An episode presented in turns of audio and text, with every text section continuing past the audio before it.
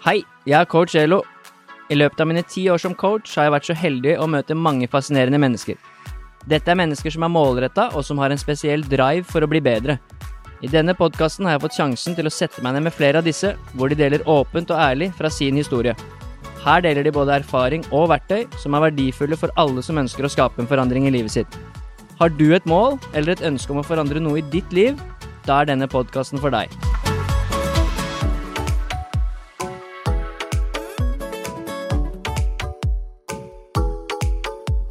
Hei, og velkommen til en ny episode av Coach Elo med gjester. Så vi har jo nå Nå har vi jo bytta. Uh, bytta intervjuobjekt. Så nå er det Bent, faren til Mia, som, Det er det. som har satt seg ned. Og uh, hvis man ikke vet hvem Bent Svele er, så, så har du helt sikkert hørt stemmen hans før. Jeg har i hvert fall vokst opp da, med stemmen din, så det er lenge jeg kan huske, så har jeg hørt den på TV. Ja, jeg har jo kommentert håndball eh, på TV 2 i, i eh, mange år. Eh, så det har Det er klart at det er en Det er et, et stort privilegium. Det er idretten som du har vokst opp med, det er idretten som du ble glad i, det er idretten som du levde av, og så har du fått, på en måte fått muligheten til å ha et levebrød. Også av det som har vært hobbyen din, så det har vært, vært helt fantastisk å få lov til å holde på med det så lenge. Så hvor mange år har det blitt, eller når har du begynt å kommentere? Nei, jeg kommenterte sånn på 90-tallet der eh, litt sånn til og fra. og Siden to, januar 2000 så har jeg og Harald uh, Bredeli uh, gjort, uh, gjort mer eller mindre alt for, eh, for TV 2 gjennom, gjennom alle de åra. Så vi har vært, vi har vært makkere noen år nå, sånn sett. Det er, eh, og det er hyggelig. Ja, det er, det for det var litt sånn jeg følte at jeg mener jeg har hørt på deg helt siden jeg var veldig liten, da. Så Ja. på, på 90-tallet, jeg er født i 90, så jeg begynte vel sikkert å se håndball i sånn 96, 97, 98, og liksom begynte å interessere meg for å se det på TV. Og, Ja da, jeg har nok dukka opp innimellom da, og så har jeg vært veldig mye der fra, fra 2000 og fram til nå, så, så det, er, det er egentlig Ja, altså, jeg holdt på med det en stund, ja, og, og så har det liksom alltid vi kan, vi skal, Det skal vi snakke litt om etterpå, men det har jo alltid vært Harald, eller det har jo vært liksom Dere har jo kommentert sammen hele veien. Ja, vi har det. Det, det blei sånn at, eh, at når vi først begynte å kommentere sammen, og så har det passa, så er vi på en måte de som har eh, vært så heldige å sitte på en kommersiell kanal gjennom så mange år. Det er klart at eh, da har vi, vi i hvert fall gjort noe riktig, siden vi har fått lov til å holde på så lenge. Så, så det er, og det er fortsatt like moro. Det er, det er stas. Vi har det like gøy sammen. og vi er gode venner, og vi, vi utfyller hverandre på, på, på de fleste måter. Sånn at det er, det er veldig trivelig, rett og slett. Ja, det er kult, og dere har definitivt eh, gjort noe riktig. Det har jo blitt en sånn eh, tradisjon nesten, det, i desember. Å se Det er jo minst like liksom eh, det å høre på dere kommentere som å se håndballen. Det Ja, har jo blitt en sånn eh, familietradisjon for mange, tror jeg. Det har jo vært det, men eh, så, og gir vi all ære til eh, gode kollegaer i, i Viasat og Nent-systemet som da har fått rettighetene som vi selvfølgelig gjerne ville hatt, men vi må akseptere det i den verden vi lever i i dag, og de tar også godt vare på håndballen, de som kommenterer mesterskap, og så får vi kose oss med litt landslagshåndball som, som på en måte foregår på norsk jord, og litt dansk håndball, og, og det norske seriespillet som er, som er trivelig og som er morsomt. Det er ingen tvil om det. Altså det å reise rundt i Norge og kommentere håndballkamper og møte så masse trivelige, hyggelige mennesker, frivillige som kommer der, som dukker opp, og som du ser gjengangere år etter år etter år. Så det er eh, Nei, det er rett og slett, rett og slett en fest og en, eh, et privilegium, som jeg sa. Ja, det er kult. Og det, det for meg òg, da, å ha deg med min podkast, det, det hadde jeg ikke sett for meg, tror jeg, for en del år siden. Men det, så det er kult. Ja, og jeg syns jo det er hygg hyggelig å bli spurt om å kunne være med på det. Det syns jeg initiativet ditt med å lage en podkast og mange, mange, spennende, mange spennende ting og temaer som, som du slash dere tar opp, og mange, mange på en måte håndballspillere som jeg har kommentert, og som du nå har vært så heldig å trene mange av de også, så, så er det klart at det er, det er også hyggelig å kunne bidra. Ja, ja så det, det er hyggelig å høre. Jeg gleder meg til å høre, liksom For det er jo ikke så mange som har sett mer håndball enn deg. Og du har jo kommentert, som du sier, mange av de jeg har trent, har jo du kommentert i alle år. Og så har møtt og vært med på mesterskap, og du kjenner sikkert mange av dem veldig godt òg. Så for meg som sånn sett er jeg fersk i håndball. Selv om jeg har holdt på i sju år, så er jeg jo veldig fersk i forhold til deg. Selv om jeg føler at jeg har holdt på lenge nå, da. Ja. Så det er ganske kult. Og du, vi er jo hjemme hos deg nå, på ha Hamar. Eller det er jo ikke Hamar, det er jo Det er Ringsaker, vet du. Ringsaker. Mia syns det er litt, litt Hun sier jo Hamar, eller rett på utsida av Hamar, liksom. Vi bor, i, vi bor i Ringsaker kommune, og så heter bygda Furnes. Det er sånn det er. Og så Det er bra. skal vi være så ærlige med henne da at det er ikke mer enn et par hundre meter til Hamargrensa her, så Nei, det er ikke, er ikke her. så, det er liksom ikke, det er ikke sånn deep in the woods. Nei, det er rett her borte. Det er fint her.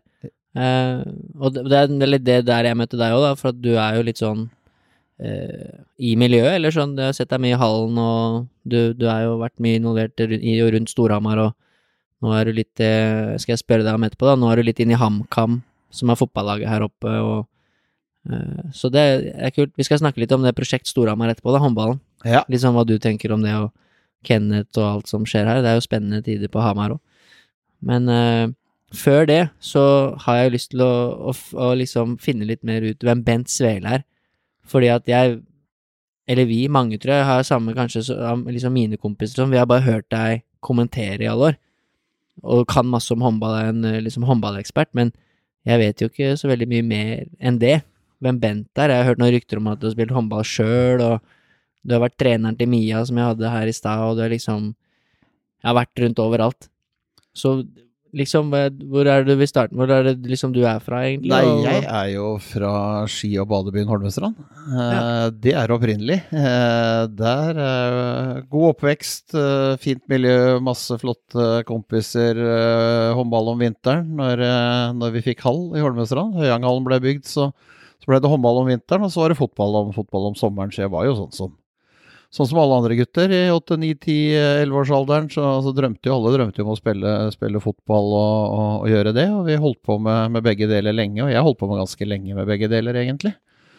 Så, så jeg tok vel ikke et valg eh, om at det skulle være håndball før, eh, før jeg var 19 år, tenker jeg. Ferdig på, ferdig på videregående i Kandelsgym i Tønsberg, og så og spilte for Nøtterøy det siste året jeg gikk på videregående skole. Rykka vi dessverre ned fra nivå to til nivå tre, og så var det en sommer som på en måte mutter'n syntes var masete, for det, altså det var jo ikke noe Det, ikke, det kom jo ikke noe e-mails eller uh, de tinga der liksom, i, det, i den tida der. Da. Så det var mange klubber som på en måte var, var på jakt etter og var ute, ute etter å hente meg. Så da falt valget på Uredd i Porsgrunn, og det har jeg egentlig aldri, aldri angra på. Så da ble, jeg, da ble det videre langs kysten nedover til, til Porsgrunn. og mange gode sesonger i Uredd, med en sånn, eh, sånn litt eh, en, en ung gjeng som uh, fikk en veldig god trener i Harald Madsen, som da hadde kommet tilbake til Porsgrunn etter å ha spilt i Oppsal. Så, og vi trente mye, og vi trente bra, og så blei vi ganske gode. Så vi var jo med å dominere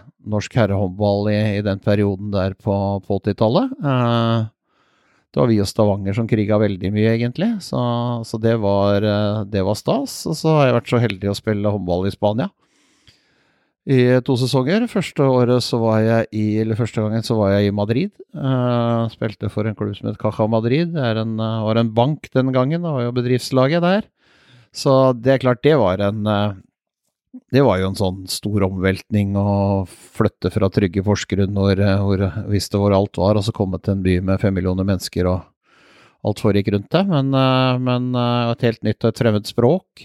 Få som snakka engelsk, men, men lærte noen spanske kloser og, og var med og spilte håndball, så det var, det var, det var hyggelig og trivelig. Og så var jeg tilbake til, til Porsgrunn, og så var jeg, da var jeg på et opphold i Malaga etter det, hvor jeg spilte, spilte der. Så det er liksom de utenlandsoppholda som jeg, jeg har hatt, da. Det er jeg kunne vel Det er jo en god historie rundt, rundt meg og Gommersbakk som, eh, som på en måte på en måte har vi har ledd mye av, da, men eh, det ble aldri, det- ble aldri noe tysklandstur på meg. Nei, for den har jeg hørt litt om, og det hadde jeg faktisk tenkt å spørre deg om. For det har jeg bare hørt sånn på TV, når det har blitt tatt opp i noe mesterskap, så har det vært noe greier at det var et eller annet, jeg, jeg kan ikke sette ord på det, men det var noe som skjedde. Du overså det, eller trodde det var kødd, eller et eller annet sånn, fra et tilbud, og det er jo et bra lag, eller har jeg skjønt det var et veldig bra lag, da. Ja da, det var et, eh, et fantastisk håndballag i Tyskland den gangen, eh, det er ingen tvil om det. Men det var jo den tida hvor altså Du kunne ikke se på telefonen når noen ringte, det var bare fasttelefoner og altså, det, Vi er tilbake Det er helt umulig for mange å skjønne at den tida har vært, ikke sant. Men, eh, jeg satt nå på jobben, og så ringte det, da. Og en tysker som begynte å prate, og så tenkte jeg Og, og det var jo masse altså, tulletelefoner og rør, du blei lurt, og folk prøvde å lure ting hele tida, så jeg var helt sikker på det var en kompis som som jobba, jobba med markedsrettigheten Uredd, som, som, var leid ut fra et, fra et firma i Oslo som, som, heter Håkon Larsen, som ringte meg og, og skulle da på en måte tulle med det, så da så jeg prøvde å fleipe det bort og sa at skal du snakke med meg, så får du, da får du ringe i kveld, ikke sant. Det er hjemme, ja. Lurte på når han kunne ringe da, så det er etter elleve en gang, liksom. Så der tok jeg en. Så ringte jo telefonen etter elleve, og da tenkte jeg nå må du holde opp, liksom. Nå trenger ikke å dra det noe lenger nå. Snakka fortsatt tysk og rør og fram og tilbake, så Og spurte om jeg ville komme til Tyskland da, for å, for å se på forholda og de hadde fått anbefalt meg, da, så, så, jeg, så tok jeg jo den der tidenes setning, det, ikke sant. Altså hvis dere skal snakke med meg, så får dere komme hit. Det er sånn, sånn, sånn verden egentlig er. Så det var uh, en, en, en, relativt lang historie kort, og så gikk det et par dager, og så tenkte jeg nå, han har ikke ringt opp igjen, liksom. Så begynte jo å demre litt, da, så jeg ringte til henne og sjekka, da, sånn at uh, han hadde ikke ringt meg, og det var han helt ærlig på, så da begynte jeg vel å skjønne at uh, jeg hadde liksom vært for smart, så egentlig Jeg skulle ikke bli lurt, men så var det jeg som lurte, lurte meg sjøl. Men uh, de kjøpte Rune Erland. Han uh, fikk en slått karriere i Gommersbakk, og det var sikkert bedre for Gommersbakk òg at han kom. Så, så gesten, eneste gesten som ble igjen av det, var at uh, Rune Erland og penga han tjente i Tyskland, bygde seg ei flott hytte i Stavanger, og den kalte han for Casa Svele. Så, det, så, så, litt humor må vi ha på det. Det er, det er, vel, det er vel, Ja da, det er, en, det er en lang historie som på en måte Vi kan korte ned til det. Men det er morsomt, da.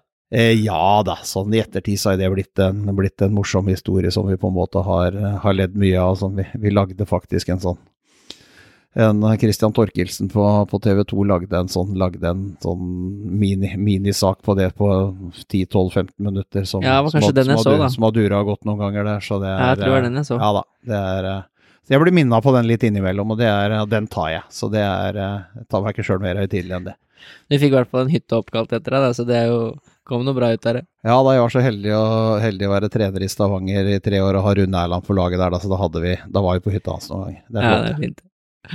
Men uh, du sa jo likevel at du hadde jo vært Du var jo to år i Spania. Ja da, det var det. Selv på den det, Når var dette? For det, det, det var jo før min tid, tror jeg. Det var jo 86-87 var vel første gangen, og så var det vel 89-90 eller 90 rundt 90 der, sånn sett andre gangen. Så, så det var jo når jeg ble født, da? Ja, ja, ja. Da var jeg liksom uh, utenlandsproff, så det er, forteller litt om hvor gammel jeg er. Men, Men, det var det jeg lurte på, for at eh, på den, du var proff, liksom? Du levde av å spille ja, håndball? Ja, jeg, levde av å spille håndball, så det, ja. var, det, var, orden og styr på, det var ikke noe tull. sånn at så, så alt det der, der var altså Det var ikke sånn at uh, det er ikke sånn at jeg kunne kjøpe Sydhavsøy for de penga vi tjente, men, men levde godt i en annen kultur. og og hadde veldig flotte og veldig fine og gode opplevelser med det, og det, er, det, skal han, det skal han ta med seg. Det er bare helt nydelig. Ja, det er gøy. Og hadde du noe, for jeg veit ingenting om det, hadde du noen landskamper, eller spilte du noe på Norge og sånn, eller? Du, jeg har spilt for Norge, jeg har vært kaptein for Norge. Jeg har 100 Jeg pleier vel sånn fleipete å si jeg har vel jeg har 100 dårlige, i hvert fall, landskamper for Norge, og så har jeg kanskje 15-16 ålreit, så det er eh, så det er vel, jeg tror jeg er 116, 17, 18, 19 Altså i det, det draget der. Jeg er, ikke helt, jeg er ikke helt sikker på det. Ja, det var nesten har, et dumt spørsmål. Og så var kaptein ja, altså jeg, har, jeg har gullklokka et eller annet sted her òg, ja. men jeg veit ikke hvor. Men eh, spilte du, for jeg har jobba med Spilte du med Ole Gustav, eller? Jeg spilte med Ole Gustav på landslaget. Det, ja. det har jeg gjort. Sånn at uh, Ole Gustav var jo en uh, Han var jo en verdensklassespiller av den høyre kant som på en måte har spilt på verdenslaget og var, var fantastisk god, så, så, det var så det var stas. Men det er klart, vi var ikke som landslag, så var ikke det noe i nærheten av det gutta presterer nå. Altså, den gangen var det A, B og C-VM i forhold til posisjoner og sånn du var i, så det var liksom ikke ett VM som du kvalifiserte deg til. Det var Jeg har spilt både BVM og CVM, det har jeg gjort for Norge. Så, eller CVM spilte jeg ikke, men jeg rykka ned i CVM, var jeg. Det var det siste jeg gjorde. Da satt jeg i en skå. Ja, det, i hvert fall uansett så har du spilt eh, på landslaget til Norge og vært kaptein, da. Det er jo Det, har jeg, det har jeg, vært. Og så har jeg, så er jeg seriemester med Uredd noen ganger, og så er jeg årets spiller i Norge, har jeg faktisk vært. Eh, da, da, har du vært brukbar. 84, 88 og 92, så var jeg litt spent på det òg, faktisk. Ja, det er jo kult, da. da har du vært god. Og Mia, jeg snakka med Mia, så hun ville ikke prate så mye om det. Hun trodde ikke noe særlig på at du har vært god til å spille håndball. Nei, det var i hvert fall for hennes tid. Det var godt før hennes tid, ja. det, er, det, er, ingen tvil om, så Men vis meg noen kule bilder, da.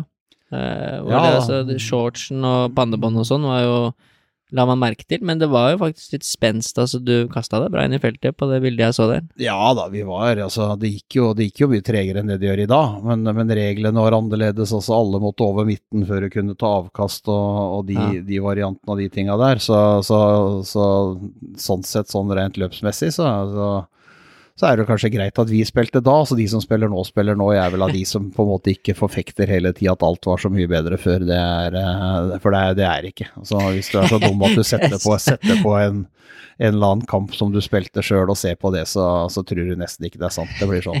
Ja, for du hadde noe VHS, eh, VHS-kassett. Ja, det ligger, det, ligger, det ligger noen i kjelleren her og jeg har tatt opp på noe sånn at Men, men det, får, det får ligge, det får jeg finne, finne ut av kanskje om vi skal gjøre noe med en gang. Men, men det er ikke noe sånn. Det er det er sikkert ikke noe kult å dra på et eller annet tidspunkt. Ja, det, men det nachspielet tror jeg var dårlig. Uansett gøy at du har VHS, VHS-konserter, for jeg tror ikke Mia for eksempel veit hva det er for noen gang. Nei, nei det, det er ingen altså. Det er eh, vet, det største når jeg holdt på, det var, det var Moviebox, ikke sant. Så du måtte ja. leie Moviebox, to filmer, og så fikk du, fikk du en liter cola hvis du gjorde det. Så, så det var greia. Så det er klart, det er ikke noe forretningsidé i dag å begynne med. Moviebox tror jeg ikke er noe, det dukker ikke opp igjen. Nei, det er ikke sikkert det gjør det. Men eh, du spilte i Uredd også.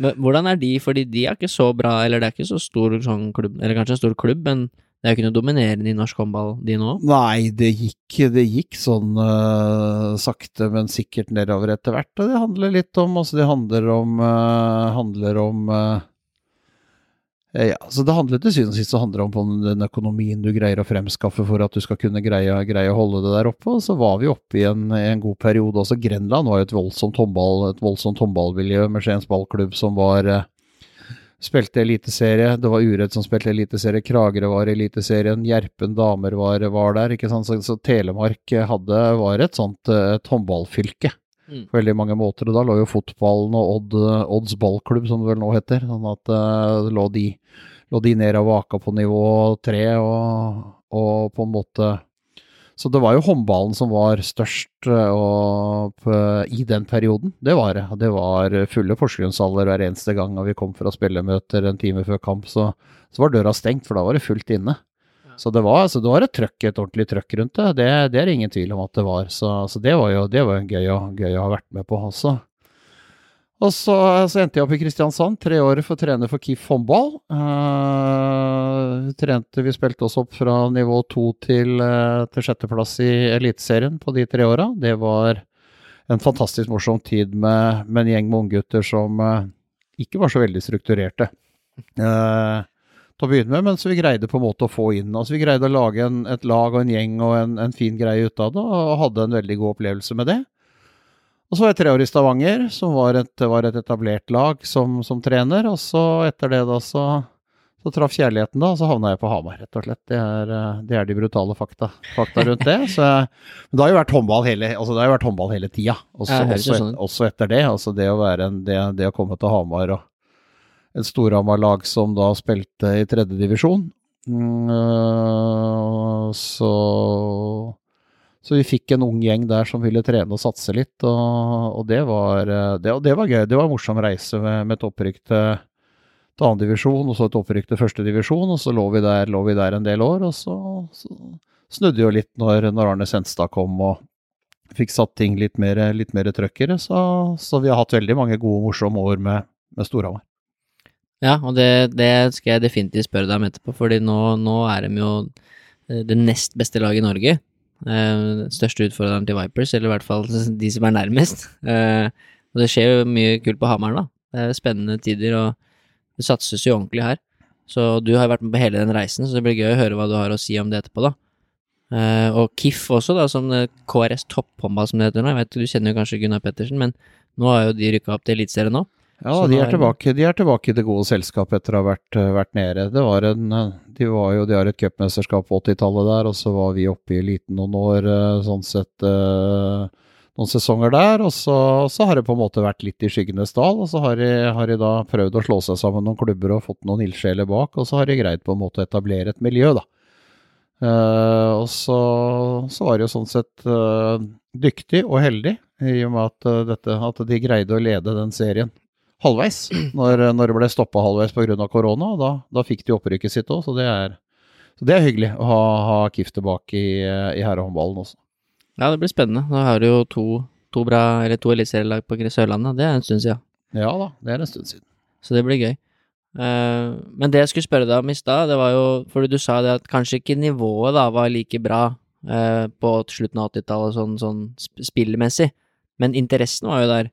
Det var som du sier, det var fulle haller og var mange som, det var like mange som, eller, som så på håndball, men når du var proff i Spania og sånn, liksom, hvordan var det med tilskuere, og hva snakker vi da, liksom? Nei, men det var sånn, det var veldig opp og ned. Altså, det, var, det kunne være 1000, og det kunne være 3000, og det kunne være 400, litt avhengig av hvor, når, hva og hvordan, ikke sant. Altså, håndball var jo ikke Altså, det er mange store idretter i Spania, uh, og fotball er den desidert største, ikke sant. Så, så altså, du ligger litt lenger ned i hierarkiet der, uh, der det, er, det er sånn verden er. Men, men opplevelsen med å være der, altså den, den utfordringa du gi deg sjøl med å flytte til et land og et språk som du også Jeg kunne bestille to øl og be om regninga, liksom. Det, var, eh, det, hadde, det, hadde, du etter å ha vært, vært sørover noen ganger. Det var liksom det du kunne. Men, eh, mm.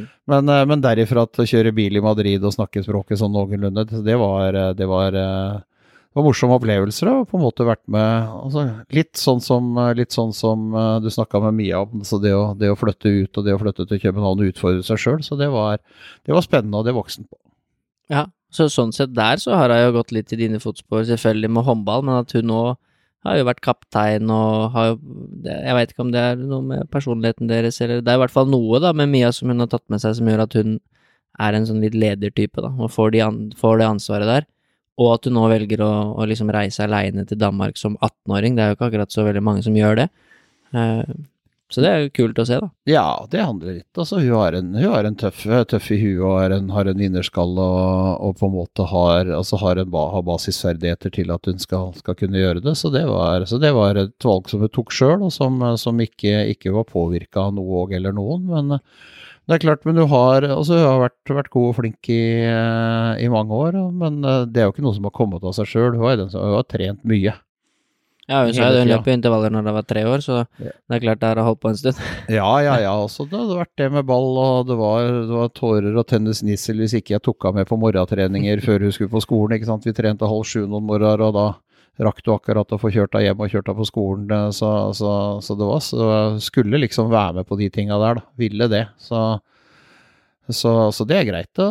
da er det jo på en måte moro. Og så var hun jo i et eh, Så fikk vi liksom Vi fikk satt opp et miljø som jeg syntes var, var, fint og flott. Og så det var mange jenter som på en måte ville trene, og som ville, ville holde på, og som vi på en måte da sammen, eh, sammen de, de, svarte opp veldig godt. Og jeg sikkert uh, klin hakke gæren i noen situasjoner, men, men, men altså, vi trente jo de som vi trente de, de voksne jentene. Altså, de løp, de løfta, altså ikke vekter, men uh, men uh, mye med kroppen som belastning, og, og Vigdis var jo med på, med på, det laget og vært en viktig del av på en måte utviklinga til, til, mange av de spillerne. Så det har vært uh, så Det, var, det synes jeg altså det er jo morsomt, og, morsomt å kunne gjøre og morsomt å kunne, kunne, gå inn og være på. Så det har vært, uh, det har vært stas rundt, rundt, det hele.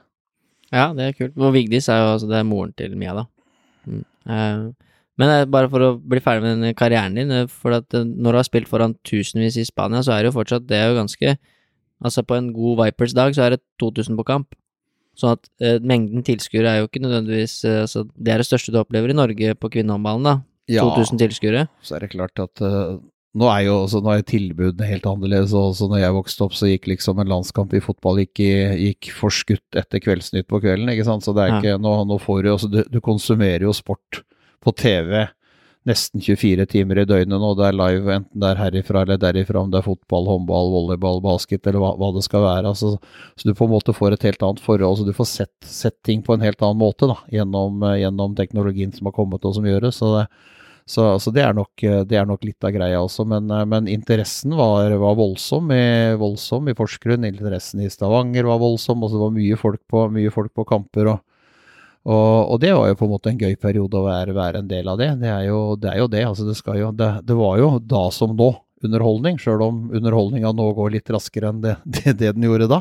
Ja, alt går litt raskere nå. Eh, eh, men eh, hvordan er det da, fordi eh, du spilte jo håndball da ganske lenge. Hvordan var det du ble trener, eller når bestemte du deg ganske Det virker jo som du liksom gikk litt over til å bli trener nesten med en gang her. Ja, altså jeg var jo, var jo spilte jo uredd, og så fikk jeg tilbudet fra Kristiansand, ikke sant. Og da var jo da, da blei du, ble du spillende trener, og det er klart det er en, det er en øvelse som på en måte er, er vanskelig, det. Eh, jeg var veldig sånn, veldig bevisst, syns jeg da, i den rollen at eh, det var liksom ikke jeg som skulle skyte hver gang, og alt skulle ikke gå gjennom. Altså, du, du, skulle være der og kunne bidra, men, men jeg ville jo Jeg håpa jo på en måte at noen kom opp som kunne ta den posisjonen og ta den rollen.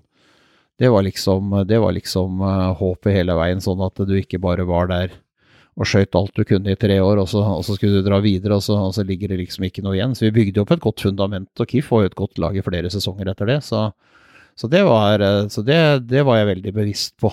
Eh, det var jeg. Så treneryrket er jo altså, det, er eh, utfordrende, morsomt, spennende, men det er klart det er jo som, som altså, Du lever jo og dør med resultater. Så vinner du alle håndballkamper så, eller fotballkamper eller basketkamper eller hva det er, så er, så er det jo en drøm å være trener. Og så hvis du taper mer enn du vinner, så, så kommer jo det trøkket, så kommer presset, så kommer tvilen. Gjør vi det riktig, gjør vi det feil? Alt det der. Så det er, det er veldig komplekst, eh, det å på en måte være leder i idrett. For det er jo det er veldig lite som er så målbart. Altså det er, det er så svart-hvitt at enten så taper du, eller så vinner du. Ja.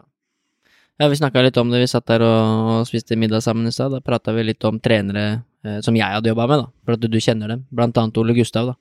Og da snakka vi litt om det. Jeg syns det er fascinerende yrke og gøy å se at du, måtte, du skal ha ansvaret for en sånn prestasjonsgruppe, da. Med såpass mange eh, personligheter, og også på det nivået, da. Mange, hva skal jeg si, egoister, eller på en måte som som har sterke meninger, da. Det er jo en kunst å få liksom det til å funke, eh, som han definitivt har klart. Da. Vi snakka jo litt om Vipers og sånn, men det er jo det er et spesielt yrke. Ja, det er, et, det er, et, veldig spesielt yrke, og det er klart at du, du, du må være bestemt, og så må du være på noen kompromisser, og så må du på en måte være, være der. Altså det, som, det som ligger i bånn, er jo at du må være faglig sterk. Uh, skal du lykkes, lykkes, lykkes, som en trener, ikke sant. Det er, det er en viktig del av det, viktig del av det hele. Altså.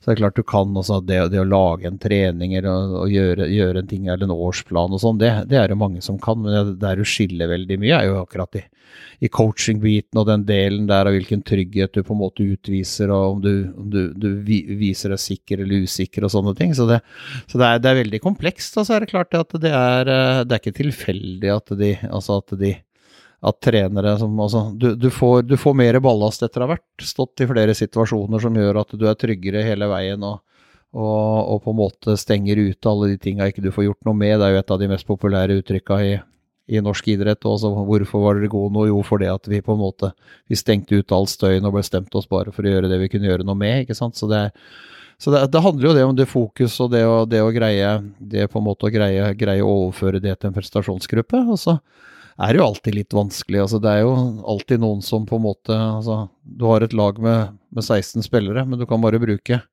syv om gangen. Ja. Uh, hvis du tar vekk målvaktene, så har du 14 utespillere, og du kan bare bruke halvpå, altså du kan bruke 6 av de 14 uh, eh, om gangen. Og så, og så, er jo det, så skal du da balansere det sånn at uh, hvis du har mange gode spillere, skal du også balansere det sånn at alle til en viss grad er fornøyde. Og, så er det jo alltid lettere å balansere det så lenge du vinner alle kamper, enn, eh, enn hvis du sånn sett eh, har mange gode spillere og taper mange kamper. Så det er, så det er, det er veldig mange ting da, som, som, som spiller inn i sånne, i sånne, grupper og sånne, om og, og hvordan det til syvende og sist vil se ut. Ja. ja, det er definitivt. Så det er litt kult, da, for jeg kjenner jo ikke deg så godt som trener, eller sånn jeg vet du er kommentator. Men så at Mia fortalte at det hadde vært treneren hennes og jeg hadde faktisk, Det var gøy, da. Jeg, jeg følger opp en, en, eh, som heter Sanne, med, som er på vei tilbake fra korsbånd. Hun er vel egentlig nå tilbake, da. Spiller på rekruttlaget til Storhamar. Og hun eh, sa jo det seinest i stad, at ja, i morgen så er det Bent som har treninga, og da, eh, da blir det litt tøffere, altså, Ole. det blir ofte mye høyere høyere intensitet og mer dueller, og så det er litt annerledes når Bent er på trening. Så ja, da, det er, er, det noe jeg burde tenke på, spurte hun om da.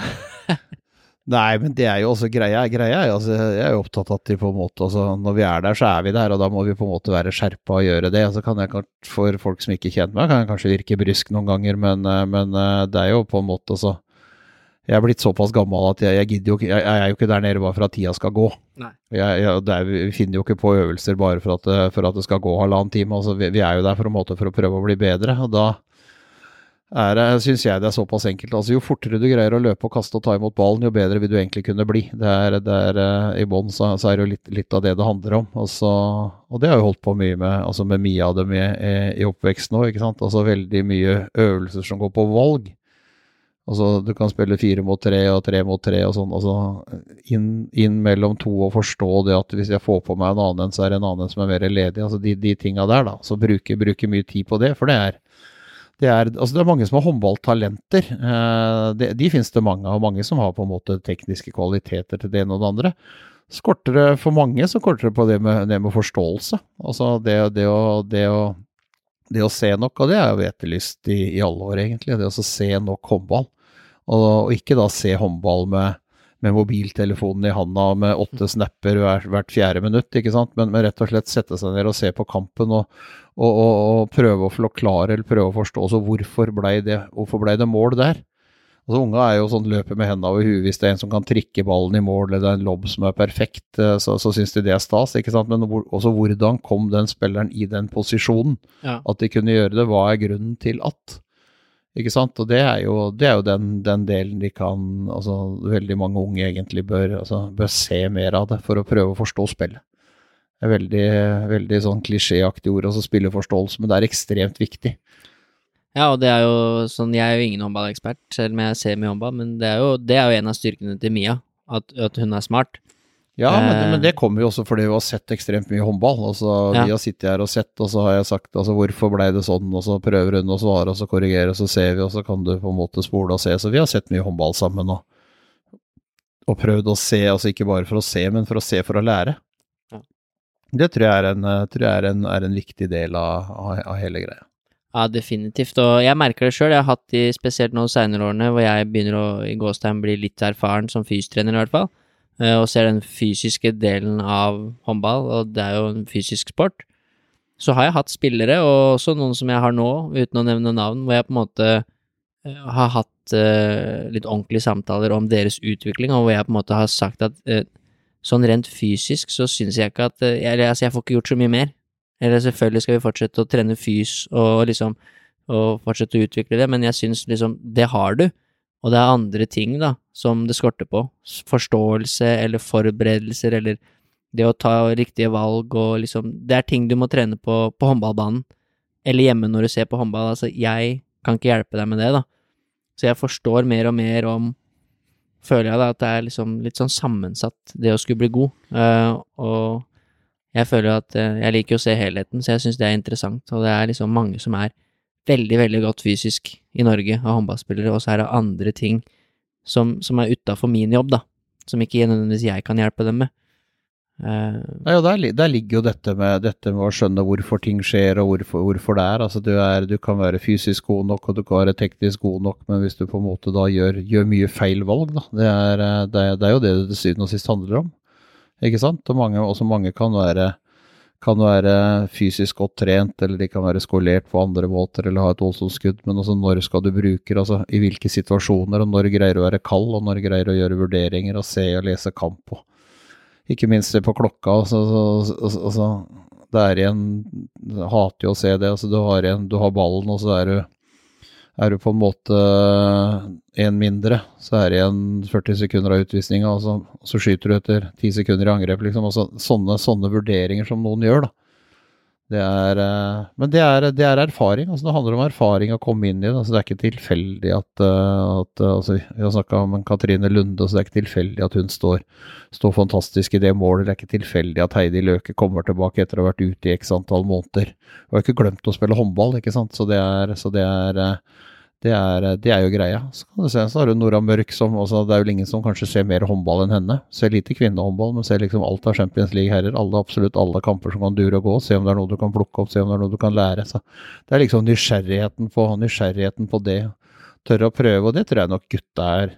Så gutta er annerledes enn jentene på, fordi at de er uh, veldig ofte litt sånn redde for å stikke seg ut eller stå igjen litt etter trening, eller altså hvis du trener et yngre lag for gutter, så, så må du på en måte rope dem inn. Mm. Mens, eh, mens, hvis du trener et lag med jenter, så sitter alle de på tribunen og venter til du steller deg på gulvet og ber dem komme. Så da har gutta allerede løpt rundt i fire-fem minutter ikke sant, og vært helt ville etter det. Så, så, så det, er, det, er, forskjeller, men det er fascinerende. Det er det som er fascinerende med idretten, egentlig. Å prøve å få satt sammen forskjellige personligheter til at du skal kunne prestere så bra som mulig. Ja, det er kult, og jeg, jeg syns jo det er den interessante delen med spillet. Det ja, det, det, er ingen, det, er ingen, tvil om det, og det er jo, men det er jo sånn sett om det er håndball, eller om det er basket, eller om det er eh, fotball, eller, eller hva det skal være, så handler det på en måte om å få satt det, satt det kollektivet i system, og, og ikke minst da jobbe med den tankegangen på altså, altså maksimal innsats og et, et, godt lag slår alle, alle, individuelle, alle individuelle utøvere egentlig i, det, i, det, i den biten der. Altså hvis, du, hvis du har bare individualister som skal gjøre det sjøl, så kan det gå litt der og litt der og litt der. Men når, når du skal på en måte gjøre opp totaliteten, så er det, så er det hele gjengen som, som, på en måte må være med å bidra. Enten du har en stor eller en liten rolle, så er, måte, så er det viktig hele veien. Ja, og det blir kult. Jeg skal stille deg noen spørsmål etterpå om litt sånn Eh, gode spillere som du har sett, og hvorfor eh, du mener at de har vært så bra, da, og litt sånn om eh, kanskje de, de, beste lagene du har sett, da. Landslag, for eksempel. Fordi Norge har jo hatt bra landslag i veldig mange år, med litt forskjellige generasjoner, og liksom litt tanker du har rundt det. Hvem som har vært det beste laget, og hvorfor, og sånn, da. Men dette er en liten digresjon, da, men jeg, når jeg vokste opp, så så jeg veldig, veldig mye håndball, og jeg hørte deg kommentere, og mange av de jeg så, liksom, så på, var jo Kjersti Grini og, og den, de der, Susann Gokser og sånn. Men så så jeg mye herrehåndball fordi at Drammen var ganske gode. Det var i hvert fall veldig mye trøkk i Drammenshallen, da. Og spesielt når du fikk eh, liksom Glenn Solberg og Frode Hagen og, og, disse gutta her. Og Glenn Solberg var en vi så veldig opp til, da. Gøran Sørheim er en av mine beste kompiser og er veldig liksom eh, fan av Glenn Solberg. Har jo blitt en litt lik type spiller også. Men det kan stemme at Glenn Solberg var ganske sånn smart uh, håndballspiller? Ja, det er han. Altså, du spiller ikke i Barcelona for, for, ingenting, liksom. Så det er klart Glenn Solberg var en av de aller beste som, som vi har hatt på herresida, sånn håndballmessig. Altså en, en, en, moderne playmaker, god defensivt, så og, og, sånn, så det er klart at det var en fantastisk, fantastisk håndballspiller. Det, det, er ingen tvil om det. Og, det. og de hadde jo et godt lag. altså Den gangen så hadde de et godt lag. De vant jo, vant jo selv om ikke det var den gjeveste europacupen, så vant de i hvert fall europacupen. Og, og det er klart at det var, det var stor stemning, og, og, Drammen var jo en håndballby på den perioden. Kent Harry Andersson kom, fikk satt sammen det laget, fikk vel på en måte satt en del struktur på fysisk trening som gjorde på en måte at de kanskje tok igjen noen og fikk et, fikk et lite forsprang. Så det, er, eh, så det er egentlig moro å se, og det er det som på en måte er mye av den forskjellen som har blitt, syns jeg. Altså den, den, kunnskapen som nå er om fysisk trening, og som er, om, eh, er, er rundt det også, og utnytter. Og det ser vi at det Altså, folk hopper høyere, skyter hardere, løper fortere, og de løper fortere lengre. Sånn at det, så, så det er kontra den tida hvor og vi holdt på, men så er det jo en forskjell på å være fulltidsproffer og, og være nede på det. Altså, vi gikk på jobben klokka åtte om morgenen og kom hjem fire. Trente klokka fem til sju eller seks til åtte, sju til ni, åtte til ti, ikke sant. Og så var det på jobb igjen dagen etterpå. Så, så, så det jo altså, Det sier seg jo sjøl også at det, det å kunne gjøre to økter om dagen, vil også, vil også utvikle det. Og så har reglene endra seg som gjør at spillet går hurtigere. ved at uh, altså, I min tid så måtte alle på en måte være over midten før du kunne ta avkast. og du kunne jo du kunne jo score et mål, du kunne, kunne rulle rundt på gulvet, og du kunne be en fotograf ta et bilde av deg, og, og, og sånn, mens du holdt, og så kunne du spasere tilbake, liksom. Så måtte de andre stå på midten og vente til du, til du var på egen halvdel, før før de kunne sette i gang. Ja, det er kult. Jeg, det er en av grunnene til at jeg nevnte det. Glenn Solberg skal jo være med på podkasten. Har sagt ja til å være med, i hvert fall. Eh. Det har altså Glenn hatt en kometkarriere som trener. altså Én ting var at han Ja, ja, han gjorde det bra med Sverige nå. Det var ja, gøy. Ja, ja. Så en ting er at han leika litt rundt i egen, egen andedam etter at han var litt assistent på, på landslaget, liksom. Sånn at Men, men, men det er klart, det er jo, det er jo ganske langt sprang fra St. Halvard til, til det svenske landslaget. Men, eh, men, all ære til den eh, jobben som er gjort. De har kvala inn til OL, de tok sølv i VM, og, og han, var jo, han, var jo, landslagssjef uten lag. I, eh, fra han tok over til, til han fikk samla dem, så gikk det jo nesten et år, ikke sant. Så det er pga. korona, så, så, det har vært en tøff tid for han òg. Men, men, men, det står stor respekt av den, den jobben som, som Glenn, Glenn, har hatt. Og han har brei og god spillererfaring. Han har stått i midtforsvaret der for for Norge og klubber han har spilt for. Han har stått som playmaker og styrt spillet, så, så all ære til den jobben Glenn har gjort. Ja, det er kult. Jeg, jeg gleder meg til å ha med han som gjest. Så det var en liten digresjon, men vi var inne på det, og jeg som jobber med, med den fysiske delen av håndball, eh, jeg, jeg, ser jo det samme som deg, at det liksom det utvikler seg, selvfølgelig gjør det det. Alle idretter, fotball, basket, som jeg følger med på mye, alt går fortere, utøverne blir bedre trent, de løper fortere og hopper høyere og sånn. Men samtidig så føler jeg noen ganger også i Norge at noen ganger syns jeg, selv om det er mitt yrke og det jeg driver med, at det er nesten for mye også noen ganger fokus på fystrening. At man, som du sier, man må huske å se håndball. Man må huske altså, mange av de gode spillerne som jeg husker, da, som Balish og mange altså, Han var jo ikke den som var best trent i verden, han, men han var jo helt ekstrem på å forstå spillet og vite akkurat når han skulle gjøre de riktige ting og sånn. Og så har du de som kanskje eh, er begge deler, da, som Stine Bredal, som er både fysisk og smart, så du får de som er sånn helt sinnssyke, men det er liksom Jeg vet ikke, jeg bare tenker liksom fysiotrening er viktig, men jeg føler nesten noen ganger i Norge at det er nesten for mye fokus på at man glemmer at det er håndball du skal spille. Så det er òg veldig viktig å se håndball, og det er òg veldig viktig å sette seg mål på håndballtrening. Ja, eh, ikke bare liksom løfte mer og løpe fortere og sånn, for det er viktig, men, men til syvende og sist så er det jo hva klarer du å få til på 20 ganger 40, da. Det er, altså det, det er, jo det som på en måte er parameteret. Så, legges, så legges det, det legges et grunnlag fysisk, selvfølgelig, men, men, men, eh, det vipper jo over noen steder. Altså noen som trener for mye av det på en måte og gjør det sånn, og det blir, det blir vanskeligere hele tida. Altså Frode Kyvåg sa alltid altså det er helt greit å kunne løpe fra Trondheim til Oslo, men det er greit å vite hva du gjør, skal gjøre når du kommer til Trondheim òg, liksom. Det er, ja.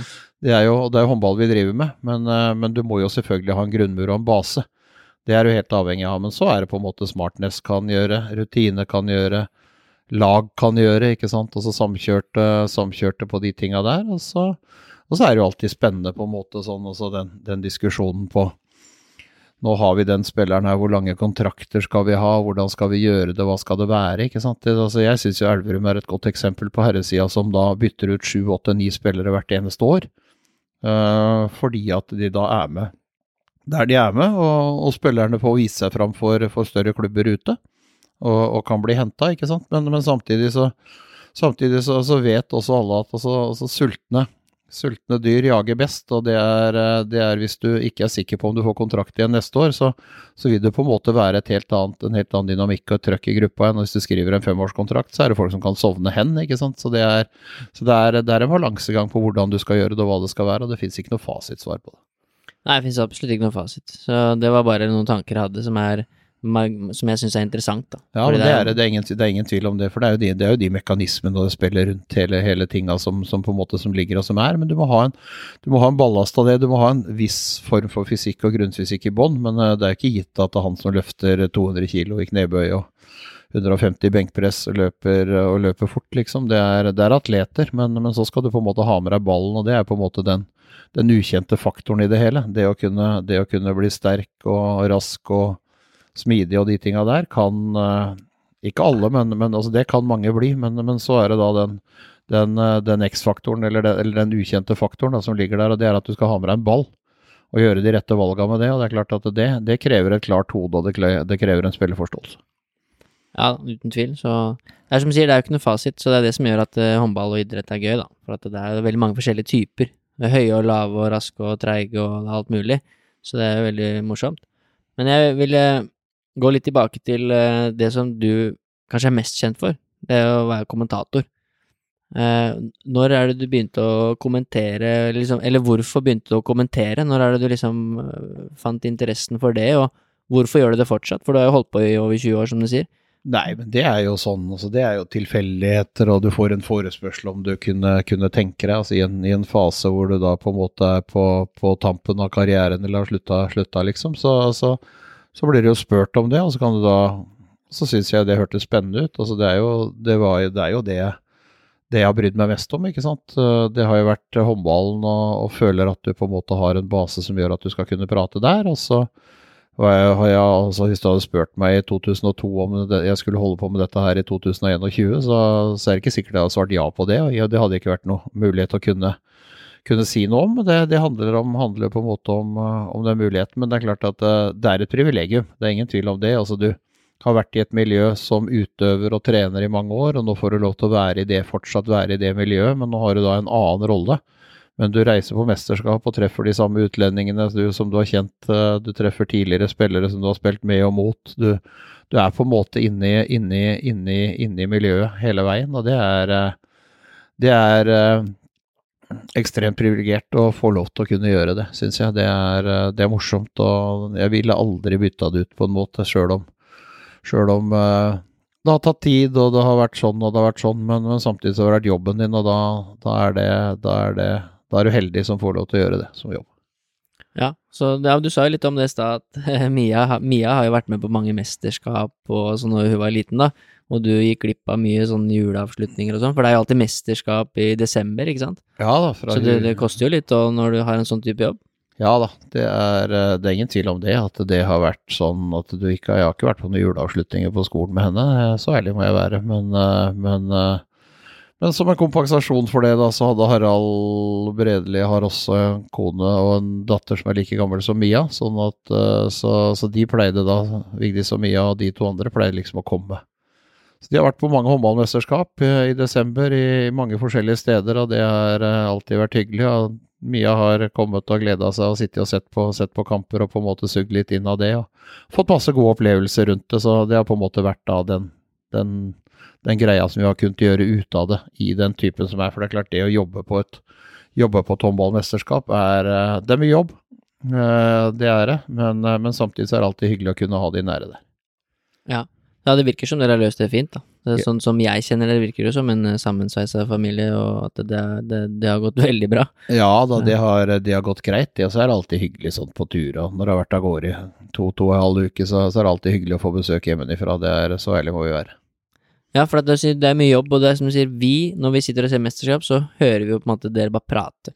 Og da er det enkelt å tenke at uh, faen, så enkel jobb, liksom, bare sitte og prate om håndball, men dere forbereder dere jo veldig mye før disse kampene. Altså, du må jo lese deg opp og ha veldig mye, som du sa, masse informasjon. Det er ikke bare å sitte og, og jatte, liksom. Du må jo ja, ha kontroll på statistikk og tidligere spill, alt mulig rart, da. Ja da, det, er, det ligger noen tunge arkiver inne på kontoret her som, eh, med bøker fra, fra, mange år tilbake, og statistikker og alt mulig rart fra mesterskap, sånn at eh, Så, så en har jo et arkiv på, på tinga. Så, så er det jo alltid så er det alltid altså det er klart det var forskjell den gangen vi begynte tidlig på 2000-tallet. så var det, det var jo ikke noen sportskanaler, og dette internettet levde liksom ikke, så det var ikke noen websider og altså sånn. Men nå er det jo nå, er altså nå har ikke vi mesterskap i seg sjøl. De, de, har gode kollegaer i, i Viasat som, som, er så heldige å ha det nå. Men, men, men samtidig, det, det, å være på mesterskap, kommentere tre kamper hver eneste dag Vi var, altså, vi var i OL i 2016 i Rio. Jeg, har, jeg var så vidt inne en formiddag på Copacabana, så jeg har sett det. Men, eh, men ellers så satt vi jo stort sett uh, kommenterte kamper. Altså det er jo OL er sånn at det er herrer på dag én, og så er det dame på dag to, og så er herrer igjen på dag tre. Så liksom ikke noen fridager å kunne, kunne, gjøre noe på. Og når du da var ferdig med jobb den ene kvelden, så måtte du da begynne å forberede deg til kamper dagen etterpå. Så, så, så, så det, er, det, er, masse jobb, og så er det da en nyhetskanal som skal ha noe, eller så er det en sportskanal som skulle ha noe, så er det en web som skal ha noe, så er det, er det litt sånn. Så det, men, eh, men det, er, eh, det, er, jo på en måte sånn det er jo sånn, sånn medieverdenen har blitt. Det er jo ferskvare hele tiden, og det er klikk, og det er det, er, det, er det siste, det siste, det siste. Så, så, det er masse jobb. Det er ikke bare, ikke bare å møte opp til en kamp og så, og så, gå og legge seg igjen. Så vi bruker, bruker, hele dager og lange dager på det. Det er eh, og så er jeg glad for at vi fortsatt kan reise på mesterskap, sjøl om ikke vi har rettighetene, men, men er der på og lager nyhetssaker og, og rapportere på en måte til Norge på, om, om, de tingene som skjer, og spillebørser og de tinga der. Så jeg er på en måte en del av miljøet, men, eh, men eh, vi får, får, ikke lov til å kommentere. Og det er, eh, og det er, det er sånn det er. Og det, så kan vi snu det på huet, som på en måte både jeg og Harald har sagt. Si, altså, vi må heller snu det på huet og si det sånn at altså, vi var privilegert som fikk lov til å gjøre det der, der i 17 år. Så kjøper noen andre noen rettigheter, men vi er fortsatt en del av, en del av miljøet, og, det, er, og det er hyggelig.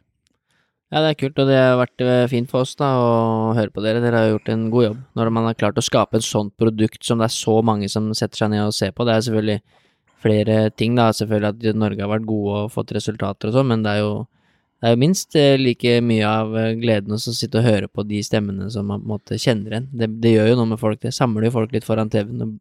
Blir liksom ikke det samme. Nå er Viasat vært en stund, da, så man begynner å bli vant til å høre Kjelling, og de er jo flinke, dem også. Kjempeflinke. Uh, så men ja, det blir jo en sånn overgang, men Det er klart at det er jo også Håndballjentene har vært i verdenstoppen mer eller mindre siden 86.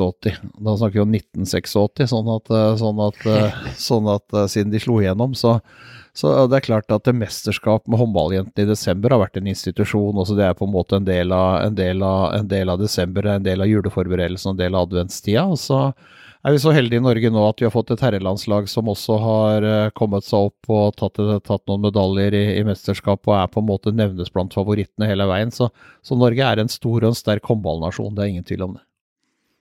Ja, det er kult, for det, det jeg tenkte jeg skulle spørre deg om, uh, er litt sånn først. Eh, hva, er hva, er liksom, hva er det du var god på når du spilte håndball? Hva er det som var dine styrker når du spilte håndball, og hvilken posisjon hadde du? Jeg veit ikke det heller, jeg.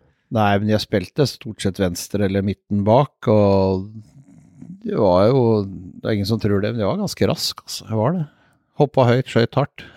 I all beskjedenhet. Nei, men sånn Litt av det. Spilleforståelse, gjennombrudd. Uh, egentlig sånn totalpakka på det. Det er vel Det er vel, det er vel sånn Nesten så, det er nesten så lenge siden, jeg husker ikke sjøl. Og jeg har ikke tenkt å gå og hente noen VHS-kassetter, så det er eh, så det Jeg må få lurt mye av å finne noen av dem en ja, gang. Men det er, finne, finne noen av de. Men hun spiller jo også bak, så det, hun har jo fått den samme posisjonen og Mest midten, kanskje, men hun kan vel spille venstre òg. Uh, og så det andre, da, som jeg tenkte, det kan hende er litt, eh, litt større spørsmål, men nå har du jo kommentert Altså, du, først har du spilt håndball sjøl, på 80-tallet, og, og, kanskje til og med før det òg, og så har du kommentert, og du har jo sett, som du sa, regler har forandra seg, fart og tempo har forandra seg, uh, hvor liksom profesjonelle utøverne er og sånn. Hva føler du på en måte er den største forskjellen da, fra håndball, eh, kanskje når du spilte, eller når du begynte å kommentere, de som jeg husker, da, Kjersti Grini og de som liksom er kjent for å stå og røyke etter kampen og alt det greiene der, eh, til nå, da, til Stine Bredal, Nora Mørk og Veronica Chris, altså disse toppatletene som virkelig liksom Det eneste de gjør, er å gjøre valg for å bli god som håndball, da. Stort sett ikke noe annet. Nei, men det, det tror jeg handler om altså, Det handler jo på en måte om altså, Ting blir jo bedre hele tida. Ting går raskere. altså Det kommer mer kunnskap. Hvordan skal vi trene? Mye mer fokus på, å spise, spise riktig, ikke sant. Få i seg nok, men, men, men samtidig, samtidig, samtidig altså nok mat som kroppen på en måte har behov for. Så en Sander Sagosen har brukt noen år på, på, på en måte finne ut hvordan restituerer jeg meg best når vi er i et mesterskap. ikke sant? Hva må jeg ha i meg rett etter kamp som gjør at kroppen responderer så han henter seg raskere? ikke sant? Det er, det er jo veldig masse, masse av de tinga der. Det er støtteapparat som er helt annerledes enn der. Det er om det er kiropraktor eller fysioterapeut eller naprapat eller massører, altså det er psykologer. Alt det der, det der er med inni en sånn der, så det skal jo alt bli optimalisert på en måte. Mye mer, enn, mye mer enn det var da. og Det er også mye mer kunnskap om trening og kunnskap om, om hvordan og hva. Sånn både forebyggende og, og, og, ikke minst optimalisere det med, det med fart og det med spenst og det med trøkk. ikke sant? Det er, det er du, du, ser jo, du ser jo liksom utviklingen hele veien. Det er, det er, det er morsomt å se, på en måte. Ja, men der, da kommer det er sikkert mange som har spurt deg om kanskje litt sånn teit spørsmål, men mange er sånn at det var bedre før. Du sa at du kanskje ikke var en av de som nødvendigvis tenkte at det var sånn. Men hvis du tar en av de som jeg vokste opp med, da, som jeg syns var liksom veldig, veldig god, som for eksempel Kjersti Grini, som var en helt, helt rå Det er sånn jeg husker henne i hvert fall, som en helt rå venstreback håndballspiller. Altså hvis du tenker henne på sitt beste, da, eh, som var kanskje slutten av 90-tallet eller noe sånt, kunne hun spilt på Vipers nå? Det, ja, altså med, med, den, altså med, det, med, den, basen hun hadde håndballmessig, og med, de tingene som dukka opp og kom, og så fått trent og gjort de tinga der. For altså, hun var, var, var, en av de aller beste i verden, sånn at, og en vinnerskalle uten, uten like. Så, så, det er ingen tvil om at det er ingen tvil om at Grini er Grini står nok på et sånt all time lag som venstreback for meg.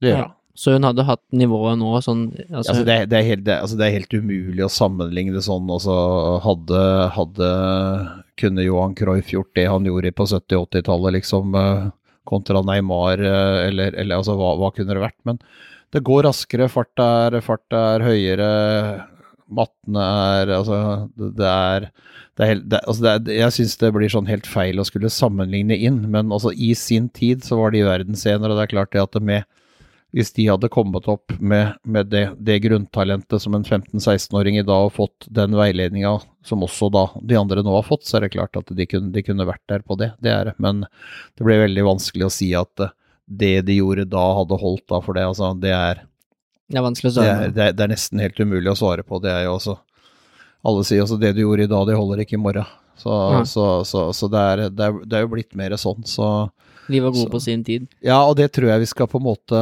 vi på en måte skal respektere mye mer, istedenfor å prøve å sammenligne at det var sånn eller det var sånn. Altså Det er klart at de som holder på i dag, var mye bedre enn når jeg holdt på. De som holder på i dag, er bedre enn det Kjersti Grini var når hun holdt på, kanskje. Men, men samtidig så, så, var hun da mot de hun møtte.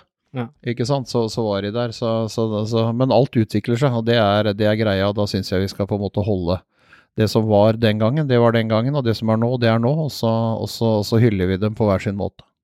Ja, det er kult. Og det, for meg, da, som ser mye sport og mye basket, så er det jo alltid sånne spørsmål, ikke sant, og spesielt i USA. Basket er jo mest uh, populært der. Hvem som var best av LeBron James, som spiller nå, og, og Michael Jordan.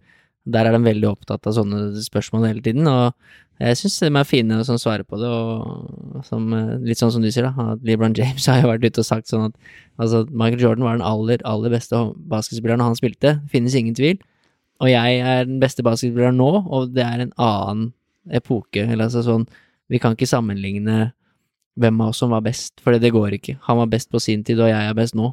Uh, ja, ja, det er, og det, er, og det, det tror jeg må på en måte måtte være å respektere, for, fordi at det, altså de, som, de som var gode da, var fantastisk gode, de var best i verden da, og de som er best i verden nå, er, er, er, best i verden nå, og så skal vi ikke sette den ene opp mot den andre eller opp mot den tredje, liksom, sånn sett på, på, på hvordan, hvordan, det skal være og det der. Så, så vil det jo være sånn da, når du skal, skal plukke ut en sånn drømmegreie, så er jo det og det skal du gjøre etterpå? Ja, det er mulig jeg skal gjøre etterpå. ikke sant? Det har jeg gjort det noen ganger, ikke sant. Men det er jo min drømme, det er jo mitt drømmelag, da. Altså Det er jo ikke gitt at det er Per eller Pål eller Nils eller hans sitt drømmelag, ikke sant. Så det, er, det, blir jo veldig sånn hvordan du opplevde det sjøl.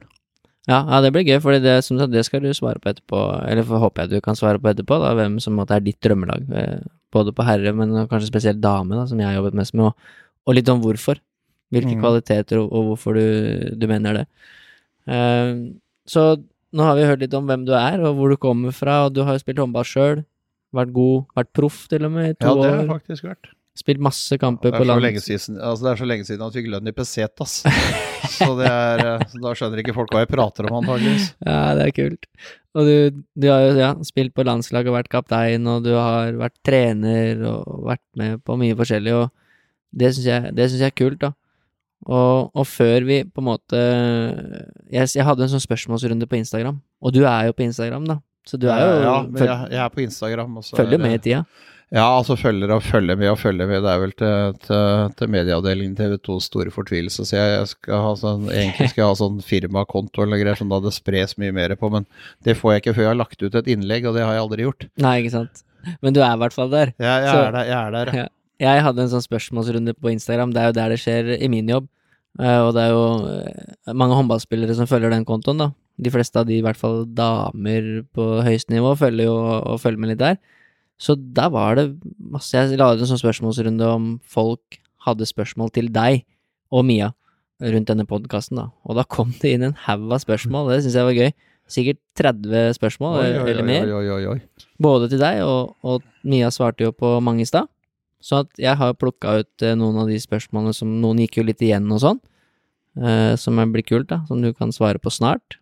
Eh, litt sånn om alt mulig rart rundt deg og hva folk lurer på. Men før det så ønsker jeg jo også spørre deg litt om noe som skjer akkurat nå, da, som vi var inne på på Hamar. Det med Storhamar. Det med For du har vært med på hele den reisen, fra som du sa, tredjedivisjon og opp til Eliteserien. Vært en av de som har vært med å bygge den klubben som jeg har stor respekt for når jeg kommer hit. Eh, nå har liksom Kenneth Gabrielsen kommet hit.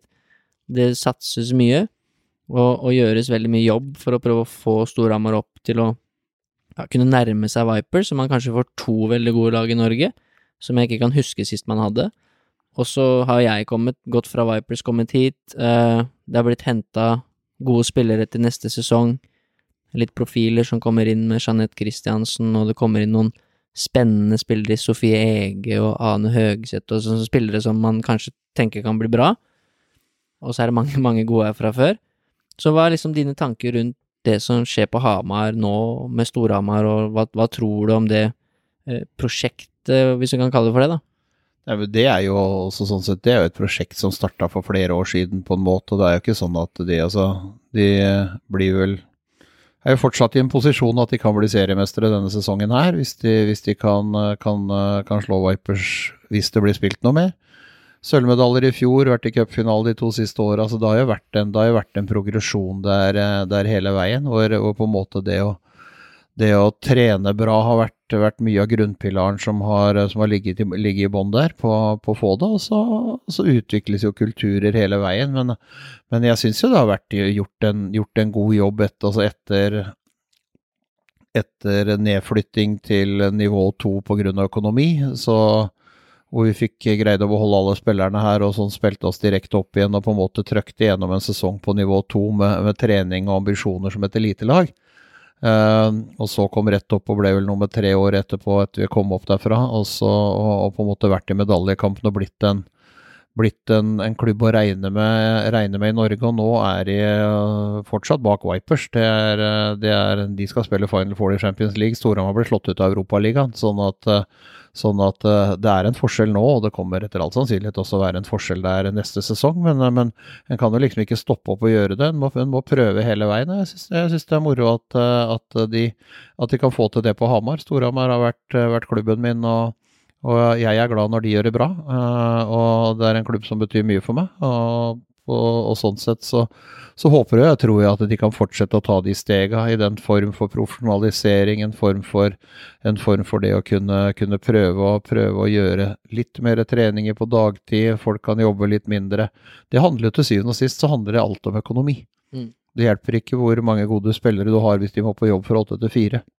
Det, er, det, nytter ikke. Så, så, det å optimalisere det med trening, det å optimalisere det som mellom treninger og, med hvile og, og, de tinga der. Så er, jeg syns det, er en, det er en forlengelse på en måte av, av det som var. Så hadde Storhamar en, eh, en fantastisk år i fjor. De tapte ikke håndballkamper. Uh, han gått med i Europa, hadde, hadde, lite spillere, men han gått med i Europa. Spilte søndag, onsdag, søndag med reise. Eh, i en lang periode, eh, som kulminerte med, med en ellevemålsseier over Vipers i Kristiansand. Et skadeskudd Vipers, men allikevel et, et, et Vipers-lag som normalt sett skulle vært oppe og spilt mot Storhamar. Så det, du, noen sånne kamper får du som klubb, og det er klart at for Storhamar så var det en, var det en fantastisk kveld. Sjøl om du, du, endte jo ikke opp med noe mer enn en sølvmedalje likevel. Men, eh, men, men, men for Storhamar som klubb så er det klart at det å kunne bryte en sånn barriere å slå Vipers, som da har slått dem stort sett med x antall mål mer eller mindre hele tida. Så har du vært oppe i nærheten noen ganger, men, eh, men, jeg tror det er viktig å kunne, kunne, kunne, slå de for første gang, og på en måte da føle i hvert fall at det kan være mulig. Så, så jeg syns det er spennende det som skjer med, med Storhamar. Jeg syns det, eh, det, er fint at de greier å holde på, holde på, såpass mye spillere. De kan hente inn noen nye. og, og så forsvinner det noen, eh, og det er, det er, på en måte en naturlig del av det hele. Så, så jeg, så jeg gleder meg til å se, fortsette å se utviklinga. Det er klart det blir spennende. Ja, og der, der svarte du litt egentlig på det, men uh, hva jeg, jeg, lurte litt på liksom hva du Du har vært med hele veien, hva som du tenker er liksom det viktigste. Du svarte litt på det med økonomi og sånn, for at de faktisk skal kunne ta opp kampen med Vipers, og da snakker vi ikke om å skulle kunne ta opp kampen med dem sånn i én match, for det kan de jo nå også. Og Vipers kan ha skader, og Storhamar kan være maksdag, så kan de jo slå Vipers. Så de kan jo bli seriemestere i år, sånn som du sa. Men sånn jeg tenker sånn klubb, og som liksom å kunne være der oppe år etter år, uh, hente kanskje de samme type profiler og uh, ja, det, det, det, handler til syvende og sist om én en eneste ting, og det handler om økonomi. Altså, altså det var ikke sånn at, eh, altså at Vipers det var ikke sånn over natta at det, at det blei til. Altså de, de, hadde jo holdt på. De, jo, de sleit jo med å få norske spillere til Kristiansand en periode. Og, og når du da henter en tre, fire, fem utlendinger, så har du på en måte lagt deg på et lønnsnivå som det er mulig å hente norske spillere, kontra å ha en utlending der. Så, så de kunne jo begynne med det, og så, så blei det jo en endring. Da, så fikk de Gunnar Pettersen uh, til å være der. Og Det på en måte åpna sikkert litt øyne til noen spillere. Så kommer Kenneth med, med et godt rykte fra glassverket, kommer ned og gjør en, gjør en god jobb. Og så kommer Ole Gustav etterpå, og så fortsetter de bare videre på det som er. Og det er litt sånn sånn også Arne Senstad har gjort en fantastisk, og vi står med gullskrift i, i Storhamars uh, historie forever. Og så, så ble han polsk landslagssjef, og så kom Magnus uh, Bakeren Johansson fra, fra Gøteborg opp her og, og, hadde en veldig god hånd med det laget. Og så har Kenneth kommet nå, og så fortsetter, fortsetter det, ikke sant. Og det som, og det, det som jo er viktig for, for uh, de som på en måte skal opp og bryne seg mot, mot det beste laget, da må vi tilbake til, til Larvik-Byåsen-perioden, hvor Byåsen da tapte som regel to kamper i år, og det var de to kampene mot Larvik. Ikke sant? Og, og, sånn kan det jo fort bli nå også de neste sesongene, at du vinner alle andre kamper. Og så, og så hvis du treffer på trekninga, så møter, møter de hverandre i cupfinalen, og, og, og, så er du der. Så, så, handler det på en måte om å da greie å beholde spillerne, greie å på en måte ta, ta de stega hele veien litt grann hvert år og begynne å nærme det. Men uh, ja, det, det, er jeg helt enig med det du sier, og det er jo en uh, helhet for å få det til å gå rundt. Uh, men det er mulig å få til det på Hamar òg, det var litt det jeg var ute etter. Ja, men det skulle, det skulle, det jo være. Altså, det har vært mulig i Larvik, det har vært mulig i Kristiansand, og det er også, det er også mulig, på, mulig, på, Hamar. Det er ingen, ingen, tvil om at det er det, men det betinger på en måte det betinger på en måte en god organisasjon som bygges opp, en brei og god organisasjon som på en måte kan tåle og takle og, og ikke på en måte kanskje eller feile litt i en sesong og fortsatt kan gå videre. Det, det handler om å bygge opp en, en portefølje som er villig til å bruke penger, penger der uavhengig av hvem som, hvem som på en måte er. Altså, du, du, må styrke klubb hele veien. da, Mye. Vipers har en mye større administrasjon enn det Storhamar noen gang har hatt. Uh, vil være, er alltid viktig å kunne ha det, legge forholdene til rette, og ikke minst ha nok hender til å kunne ta, ta seg av de, de tinga som skal skje og skal være. Ja, det blir spennende å se. Jeg har i hvert fall troa på Det er, det er som du sa, det, når jeg kom fra Vipers og hit, Sammen med Kenneth så kom jeg jo fra, som du sier, det, det desidert beste laget i Norge, eh, opp til Hamar. Men jeg har jo vært vanvittig imponert over det man har på Hamar. De har jo til og med ting som Vipers ikke har. Altså egen hall, egen garderobe. Altså, de har jo veldig bra fasiliteter, og alt skal jo ligge til rette for at du kan definitivt oppnå det samme her. Og Elverum, som er liksom rett oppi her, som har vært det beste herrelaget i alle år, det er jo ikke ikke verdens navle, det heller, Elverum. Nei, og det handler om at det har jo heller ikke skjedd over natta. Det har jo vært på en måte, det er bygd stein på stein hele veien der også, så har de truffet, truffet på de tinga. Og så, og, så, og, så, så, er det det. Så er det klart den største forskjellen på Elverum og, og Hamar er jo at eh, det er en konkurranse i sponsormarkedet der med en fotballklubb som, som er i toppfotballen, og med en, eh, med en hockeyklubb som på en måte er helt i toppen av norsk ishockey. Og det er klart at med en by på på 34 000 mennesker, så er det jo mye av de samme sponsorkronene som dukker opp og ligger og så, som er der. Så det er klart det at uh, kunne du kanalisert det, alle de penga inn på håndballen f.eks., så, så, så, så er det klart det hadde vært en annen verden. Men, men sånn er det jo ikke. Så det, Hamar er en idrettsby, og det har fasiliteter som er, som er bra og fine og flotte. Og så, og så handler det på en måte om å, om å greie å forvalte de de, altså de midlene du har, på best mulig måte. og Da handler det om både det å bygge klubb, men også ha et godt lag. altså det, altså er jo det hva kommer på en måte først? Kommer administrasjonen først? eller altså hjelper ikke å ha stor administrasjon hvis ikke du leverer på sport. Og så er det vanskelig å levere maksimalt på sport hvis ikke du har noen andre som kan på en måte rydde unna. Så du må finne en balanse på det som gjør at du kan, kan, kan trekke det beste ut av alt. da. Ja, det blir spennende. Det er jo som du sier at det er jo interesse her. Jeg hører noen rykter om at det er eh, mange, kan være mange tusen på hockeykamp her oppe. Eh, og det er jo et steinkast unna hallen, sånn at folk er jo interessert i idrett og, og komme og se på. Eh, og så har man jo, som jeg syns er en fin dimensjon her, at man har jo Vang rett ved siden av. Så ja, hvor helt sikkert Ja, samarbeidet kan sikkert bli enda bedre mellom elite og Vang, men man har jo potensielt veldig, veldig mange unge, gode lovende håndballspillere som kommer hit hver eneste år, og som er vegg i vegg, da. Det er klart at eh, det, er, en, er, det er, det er en viktig, viktig, viktig faktor på, på måte på talentutviklingen. Og så er jo, også er jo altså hvor, be, også hvor Jo bedre elitelaget blir, jo trangere blir det nåløyet for de unge å kunne komme opp. Mm. Ikke sant? Det er, hadde du på en måte hatt masse, masse unge talenter på Vang og ligge på, ligge på sjette, sjuende, åttende plass og, og spilt der, så, så, så, er det lettere å bruke, bruke, masse av de unge. ikke sant? En, skal du da ha de ambisjonene at du skal utfordre de beste i landet, som jo er et, er et lag nesten bestående av nå norske landslagsspillere, neste år utenlandske landslagsspillere krydra med mange norske, så er det klart at nåløyet på Sørlandet er også trangt for å kunne komme inn. og så nåløyet i Larvik for å kunne komme inn i laget.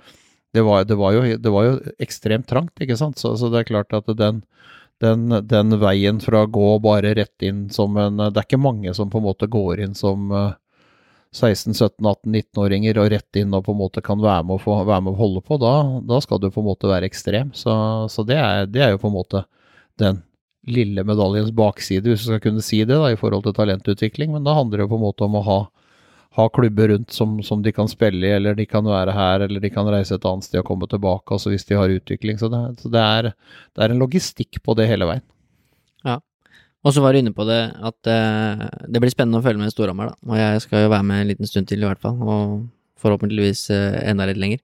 Men eh, du sa jo at det er en idrettsby, og så har man jo Nå nevnte vi hockeyen, men så har man jo òg HamKam, som jeg har noen av mine verste minner fra, fra Briskeby stadion. Kan fortelle deg etterpå. Det er fryktelig fra fotball. Men uh, Tapt jetturneringa? Ja, tapte to finaler i jetturneringa med Strømsgodset på Briskeby, da. Som var liksom Det var den største cupen man kunne spille som junior på Hamar, da. Det var veldig gøy. Da samla alle de beste juniorlagene seg, ikke bare Norge, men Skandinavia egentlig her, da. Uh, så jeg har dårlige minner med Eller gode minner, da, men jeg har dårlige minner med den stadion der. For der er det bare to tap, to finaletap. Men i hvert fall så er jo HamKam uh, også toppklubb i Norge, fotball.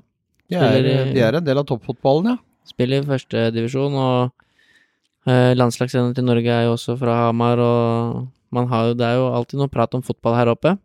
Eh, ja. Og så har jeg jo fått en ganske kjent trener som er her oppe nå, i Kjetil Rekdal, og eh, det som jeg skal fram til, at du har jo, jeg ble fortalt i stad, du har jo gått litt inn i HamKam, da. Jeg veit ikke om du kan si noe om det, eller har lyst til å si noe om det? Jo da, det kan jeg si masse om. Jeg er blitt daglig leder i HamKam, ja, så, det er, eh, så det, er, det er spennende, det. Det er ikke hvilken som helst rolle å bli daglig leder, da? Nei, det er ikke det. Så det er sånn eh, Men når jeg fikk forespørselen, så, så, var jo det sånn Vi brukte jo litt tid på det, egentlig. Sånn, og så vil du, vil du deg sjøl så vondt, eh, som, som, noen sier. Eller, altså, men jeg syns jo det er Jeg synes det er spennende, og så, så får en gripe den, de mulighetene som dukker opp og kommer, og sånn er jeg litt. Og det er, det er en klubb som, som har et Altså, som er godt kjent over, også over hele landet. Så er HamKam, HamKam godt kjent, og det er Gjorde en fantastisk god høstsesong etter at Rekdal kom og fikk, fikk, veldig god orden på det. Så får vi håpe og tro at det nå kan fortsette inn i sesongen som begynner i midten av mai. Det er, det er å ha en sånn rolle, så lever du på en måte og dør med resultatene. Det, er, det, hjelper jo ikke hvor mye eller hvor flinke vi er organisatorisk eller hva vi henter og sånn, hvis ikke vi vinner fotballkamper. Og det er litt det samme som, som om det er håndball eller hockey eller hva det skal være. Altså Hvis ikke, du, hvis ikke sport leverer, så, så, hjelper det ikke å levere på det andre. Så, så det må gå litt hånd i hånd. Så, så, men eh, det er optimisme rundt, eh, rundt fotballaget, og så får vi håpe og tro at de kan, eh, kan, henge med litt bedre fra start enn det de gjorde i år, og så gjøre en, gjøre en sånn greie at de kan kan krype litt sånn stille og rolig oppover tabellen. Det er, det er vel på en, måte, på en måte greia. At kan, at de kan begynne å nærme seg fordums storhet, som det så flott heter. Men det er klart, det er eh, Det har ikke vært noe enkelt liv hvis du har vært HamKam-supporter i 20-30 år. Altså det er, eh, du har hatt mye tunge stunder da. Det er, Så ærlig må vi være. Ja, men så, så, det er en målsetning i hvert fall om at det skal satses ordentlig i HamKam. Sånn, jeg skjønner at det over tid, da, men at det, det er noen ja, ambisjoner der. Ja, men det vil det jo alltid være. Altså, det er jo ingen som trener hver eneste dag og, og ønsker, å, ønsker, å, tape fotballkamper. Så det er, det, er en, det er, et pågangsmot og en greie. Så får vi på en måte se om vi greier å få satt sammen et, et slagkraftig godt lag. Det er jo. Så skulle jeg gjerne hatt en spiller eller to til. Sånn er, sånn er verden. Men uh, Mista dere vel toppskåreren deres òg? Uh, ja da, du har mista noen spillere, og så, og så, ligger det noen andre inn og ut. Men, men det er klart, korona gjør det vanskelig rundt, rundt, dette her, fordi at du har fram til nå ikke kunnet hente spillere fra utlandet inn på prøvespill, for det har vært eh, stengte, stengte grenser. så og Det betyr jo at eliteserielagene som da skulle forsterke og som skulle gjøre noe, da har de begynt å rote i det bedet som egentlig eh, Obos-klubba skulle, skulle, rote i. Så, så, må du da kikke litt lenger ned eller litt lenger ut. og så, så det, er en, det, er en, det er en logistikkamp hele veien, det der. Det er det. Ja, men det blir spennende å se. Jeg følger jo med litt på HamKam, eller generelt på fotball. Så ja det, blir, da, nei, det, skal, skal, bli spennende å se. Det, det blir det. Så det er, det er, nok å gjøre akkurat nå. Jeg må så ærlig må jeg være. Og Reka skal, han skal fortsette som trener, eller? Rekdal skal være her denne sesongen og neste, i hvert fall. Ja, håper, han blir, håper, han blir, lenger. Ja, det blir spennende. Jeg har jo faktisk, jeg, som jeg sier, jeg har spilt to finaler der, og så har jeg jo spilt sammen med Markus Pedersen, som er Hamars store sønn, eh, tror jeg, på godt og vondt. Eh, fryktelig godt å spille fotball, i hvert fall, når han eh, er motivert for det. Ja, han har vel skåra vel senest nå i helga igjen for, for klubben sin i Tyrkia, som på en måte fighter og slåss for å overleve på nivå to der nede, så alt godt av han. Ja, han er en bra spiller. Og så er Christian Brix der enda? Nei, Nei, han har gått. han er borte. Ja. For i hvert fall han var en av de som slo Han spilte på Vålerenga når jeg tapte, da. Så han har bedre minner fra den stadion enn meg. Ja. Eller jeg veit jeg ikke, da, siden han har spilt der nå, men eh, ja. Eh, Det blir spennende å følge med, i hvert fall, uansett. Eh, Nå må vi følge med litt ekstra, siden du Ja, er daglig leder helt, der. helt nødt til det nå. Ja, ja, det blir det. Må komme på noen kamper. Jeg er lov til å gå på noen hockeykamper, og folk driver og skryter av det, så jeg får jo gå og se litt hvordan det Ja, er. hockey, hockey på Hamar er gøy. Ja, jeg har hørt noen rykter om det. Eh, men det er kult, Bent. Jeg syns det er gøy at du har fortalt litt mer om din Altså, jeg kunne jo, så jeg visste jo ikke at du hadde landskamper engang, så der ser du hvor mye jeg veit, da. Nei, det er sånn sett, eh, sånn sett jeg, er ikke så, jeg er ikke så opptatt av det lenger. Det var Ja, det er kult, i hvert fall. At du, kult at du velger å stille opp og prate litt om det. Og så Ja, men det er alltid koselig. er det nok mange der ute også som, som vet litt mer om deg nå som de ikke visste før. Eh, men uansett så er det jo da en spørsmålsrunde til slutt, hvis du er klar for det. Jeg er alltid klar. Og der, der er det litt forskjellig, så jeg har plukka ut, da. Så vi, vi kan jo ta, og det forandrer seg jo sikkert, da, men vi kan jo ta et først, som, som er hva innebærer en normal dag i Bent Svele sitt liv? Det har jo forandra seg ganske mye etter 15. mars, når jeg begynte, begynte i HamKam. Altså sånn, sånn før det, så var jo det så var jo det på en måte å, jobbe med noen små eh, ved siden av håndballen og, og egentlig konsentrere seg mye om det. På, men eh, nå så er jo det Nå er det opp om morgenen og i bilen til åtte og på Briskeby. Eh, så får vi noen, noen lange dager. Når vi da har håndballkamper vi skal kommentere. Jeg hatt noen danske kamper i forrige uke hvor jeg på en måte er på kontoret der åtte, kjører til Oslo når klokka er tre. Tanker inn på TV 2 i, i halv femtida, og så kommentere kamp seks eller halv sju og halv ni, og så hjemme igjen til midnatt. Så, så da har du noen sånne lange dager, og ellers er det, ellers er det vel sånn tradisjonelt være på jobb i åttetida og hjemme i fire-femtida, og så er, så er jo ikke det altså det å være daglig leder i en idrettsklubb, enten det er fotball eller håndball eller, eller hva det skal være, er ikke, det er jo ikke noe sånn åtte til fire-variant. Det er egentlig Det er, er, det er 24-7. egen- Altså får, kan få telefoner 8 og 9 og 10 og 11 om kvelden, og det kan være spørsmål. Og spesielt nå da med koronabiten, og det har vært masse fram og tilbake om vi kan begynne, ikke kan begynne, smitteprotokoller, teste, ikke teste, publikum, ikke publikum, terminlister, ikke det eh, hvordan det skal være. Så, så, så, så det er hektisk. Det er, eh, sånn, så, sånn som det er nå, så er det hektisk.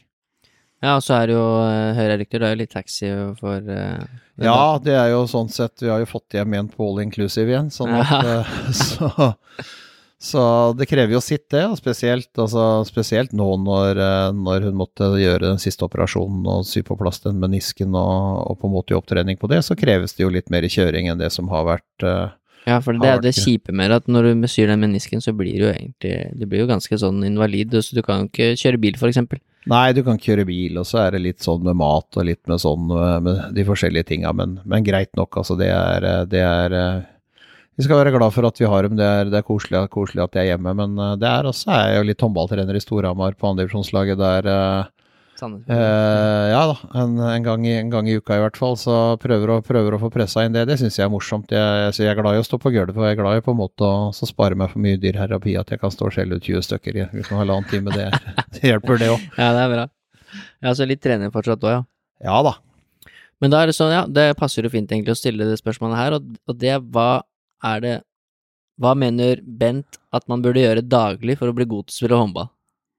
Ja, men det er, eh, det er jo også det er, altså Håndball er en kompleks idrett, men er, vi har jo vært innom det tidligere. altså Det handler om å finne balansen mellom fysisk og, og, og teknisk, eh, taktisk trening. uh, uh, for deg som individ, og så handler det på en måte om en trener å få satt sammen det materiellet han har til, til en god nok greie. Men du må legge ned, altså det er ikke noe som kommer av seg sjøl. Du, må gjøre- du må gjøre en ordentlig og en ærlig jobb uh, mer eller mindre hver eneste dag for at du skal skal kunne greie å hevde deg da. For det er så mange som vil, og det er så mange som ønsker å komme opp, og det er så mange som på en måte har en intens drøm om å kunne nå inn mot et landslag, spille eliteserie eller komme seg ut og spille håndball. Så det, så det, det, det handler, rett og slett om, handler rett og slett om trening. Det gjør det. altså Trening, trening, trening, og på en måte tilrettelegge. Gjøre. Og så tror jeg du har godt av som idrettsutøver, så, så må du, hvis du på en måte er en yngre utøver og går på skole samtidig, ikke sant, så så er jo det det verste hvis noen på en måte ikke kan komme på treninga fordi de skal gjøre lekser. Da har du ikke planlagt uka di godt nok. Altså det er, eh, det er eh, du, du, må planlegge, gjøre, du kommer tidlig. Altså, og, og så lærer du lære det å ta hensyn til altså Du har et ansvar også, ikke bare for deg sjøl, men for de andre som på en måte er der. At du kommer opp sånn at eh, du kan få utført de tinga som skal gjøres. Så du må, gjøre, du må rett og slett gjøre en ålreit jobb hele tida. Ja, det er bra svar. Må legge ned jobben og så, som du sier, tøffe prioriteringer, da. Ja, det er, det er, jo ikke, det er ikke noe. Altså, hvis, du har, hvis, du har, lyst til å bli god, så kan du liksom ikke Du kan ikke bli god i både Fifa, se alle premierer på kino og, og henge med alle hele tida på alle andre ting, liksom. Da, da må du prioritere vekk, eh, prioritere vekk noe. Ja. Så ender det veldig ofte de som, de som da trener mye og er i der. Altså, da, da, får du på en måte også dine nærmeste venner akkurat i, i, og, rundt, i og rundt idretten din. Og så tror jeg også samtidig det er Jeg syns jo det, det, er også viktig på en måte å kunne, kunne være innimellom i miljøer som ikke snakker, altså hvor ikke det prates håndball hele tida, men helt andre ting. Det er, det er greia, altså. Og så må vi ikke glemme det vi har snakka om, da. Det, altså det, å, det å se nok håndball for å få forståelsen av hvorfor ting skjer. Altså se heller én håndballkamp istedenfor fire, men legge vekk mobilen hver gang du gjør det, sånn og så prøve å analysere litt. Ja. ja, det er gode tips, og jeg er glad for at du sier at du er litt sånn eh, klar på at man må legge ned jobben. For det er jo det det handler om. Det er jo litt det kjedelige svaret som nesten blir sånn klisjé, og man kan nesten bli litt sånn irritert av å høre på det, men det er liksom Det er jo det det handler om. Og det er som du sier, det er så mange andre der ute som, som trener akkurat nå, da, eller som legger ned den jobben for å spille på et landslag, eller hva det måtte være, og dem ja. vil jo ta deg igjen eller gå forbi hvis ikke du legger ned den jobben, så ja, De er det mange overalt. altså Enten du er i den ja, ja. minste bygda eller, eller, du er i den største byen, så, så, så, er det mange som på en måte har det som, en, har det som et ønske og en drøm. og det er kanskje for altså Det er mange som på en måte da ikke når den, og det kan være årsaker til det. Det kan være skader eller muligheter eller, eller sånne ting. Men, men, men, men, du må på en måte i bånn legge ned den jobben og gjøre den, og så, og så, og så, så løser det seg som regel. Ja, det er bra tips. Og da kommer det to-tre to, spørsmål her som handler kanskje litt mer om den jobben, ikke daglig leder, da, men den jobben som du har gjort de siste 20 årene, å være kommentator. Um, så det er, er to-tre stykker. Det første er hvordan, hvordan, det har vært Det er mange som lurte på det, og mange som hadde liksom forskjellige typer spørsmål om det, men det, det, går vel egentlig inn på liksom Hvordan er det å jobbe med Harald, og hvordan har det vært å jobbe med han over så mange år? Dere har jo, virker jo som dere har litt sånn spesielt forhold, og, og han, ja, han er kanskje en litt sånn annen type, i hvert fall som man får inntrykk av, da. At du på en måte er den rolige, og han er den som skriker, og ikke sant, men ja, hvordan har det vært? Nei, men det har vært en også For som jeg har sagt tidligere, så har jeg vært veldig eller vi har vært veldig privilegerte som har lov til å holde på med noe som vi er veldig glad i, og få lov til å gjøre det hele veien. Og så er det Og så har vi funnet Vi har en arbeidsform. Vi har jobba sammen i, i, over 20 år. Vi har aldri krangla. Vi har vært verden rundt sammen. Jeg har sittet mer i bil med han enn jeg har gjort med noe familiemedlem noen gang. Vi har, jeg har flydd mer med han. og og vi har, eh, vi har, reist og vært aleine på hoteller i de mørkeste bakgater i Øst-Europa og, og, og, rundt omkring hele veien, så, så, det har vært eh, Nei, det er rett og slett en fest. Og så Harald er en ordkunstner, han er alltid godt forberedt og verdens mest likende kar, ikke sant. Altså, han, eh, han, sliter. altså Han er født en halvtime for seint. Han, si, han har ikke tatt igjen det, altså. Det, så ærlig kan jeg være. Så klokka, Han er ikke god på klokka. Ekstremt glad i å sove. Men, ja. Eh, men, eh, men, eh, men, men, verdens beste fyr.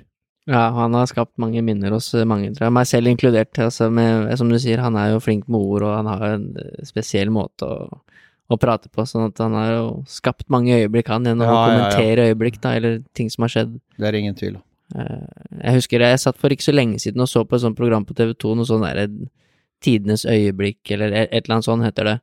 Og så er det den kampen mellom eh, Norge og, og, Tyskland for en del år siden. Når Norge vinner med et mål, eller når Tyskland tar et innkast eller et inn... Ja, Heine Brandt kommer med knyttneve ja, ja. og kommer dette kampen. Ja, ikonisk, det. Og, og den... Sadar, Sadar i Kroatia. ja, den, den kommenteringa til Harald, altså, man, man glemmer jo ikke det. Nei da, det er, han, er, han, er, han er øyeblikkets mann, rett og Ja. slett. Han er det. Så dere er gode venner, så Det er vi.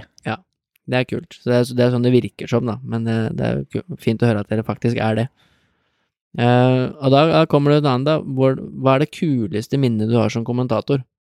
Eller altså så- med å ha den jobben, da. Nei, det er uh,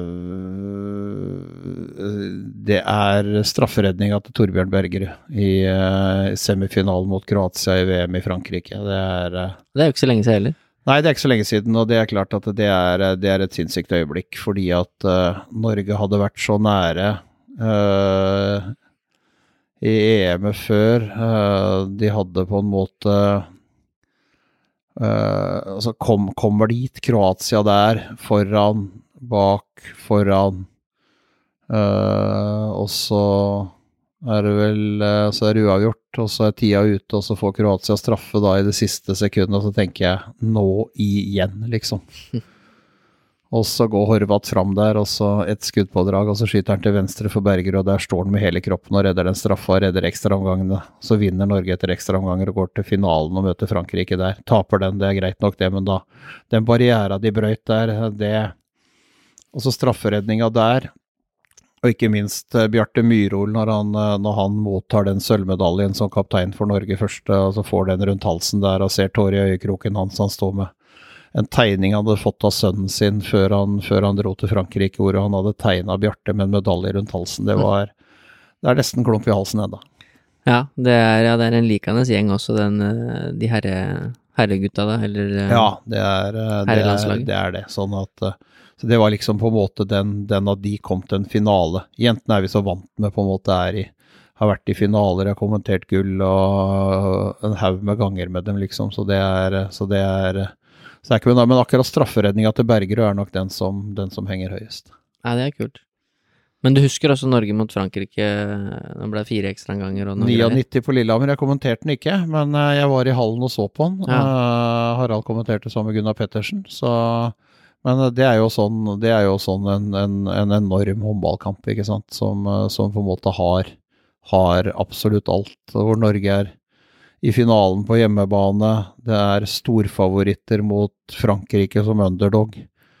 Altså, De sendte ikke kamper til Frankrike i innledningen på fransk TV engang den gangen. ikke sant? De dukka ikke opp før, før de plutselig skjønte at her kunne det bli noe. Så.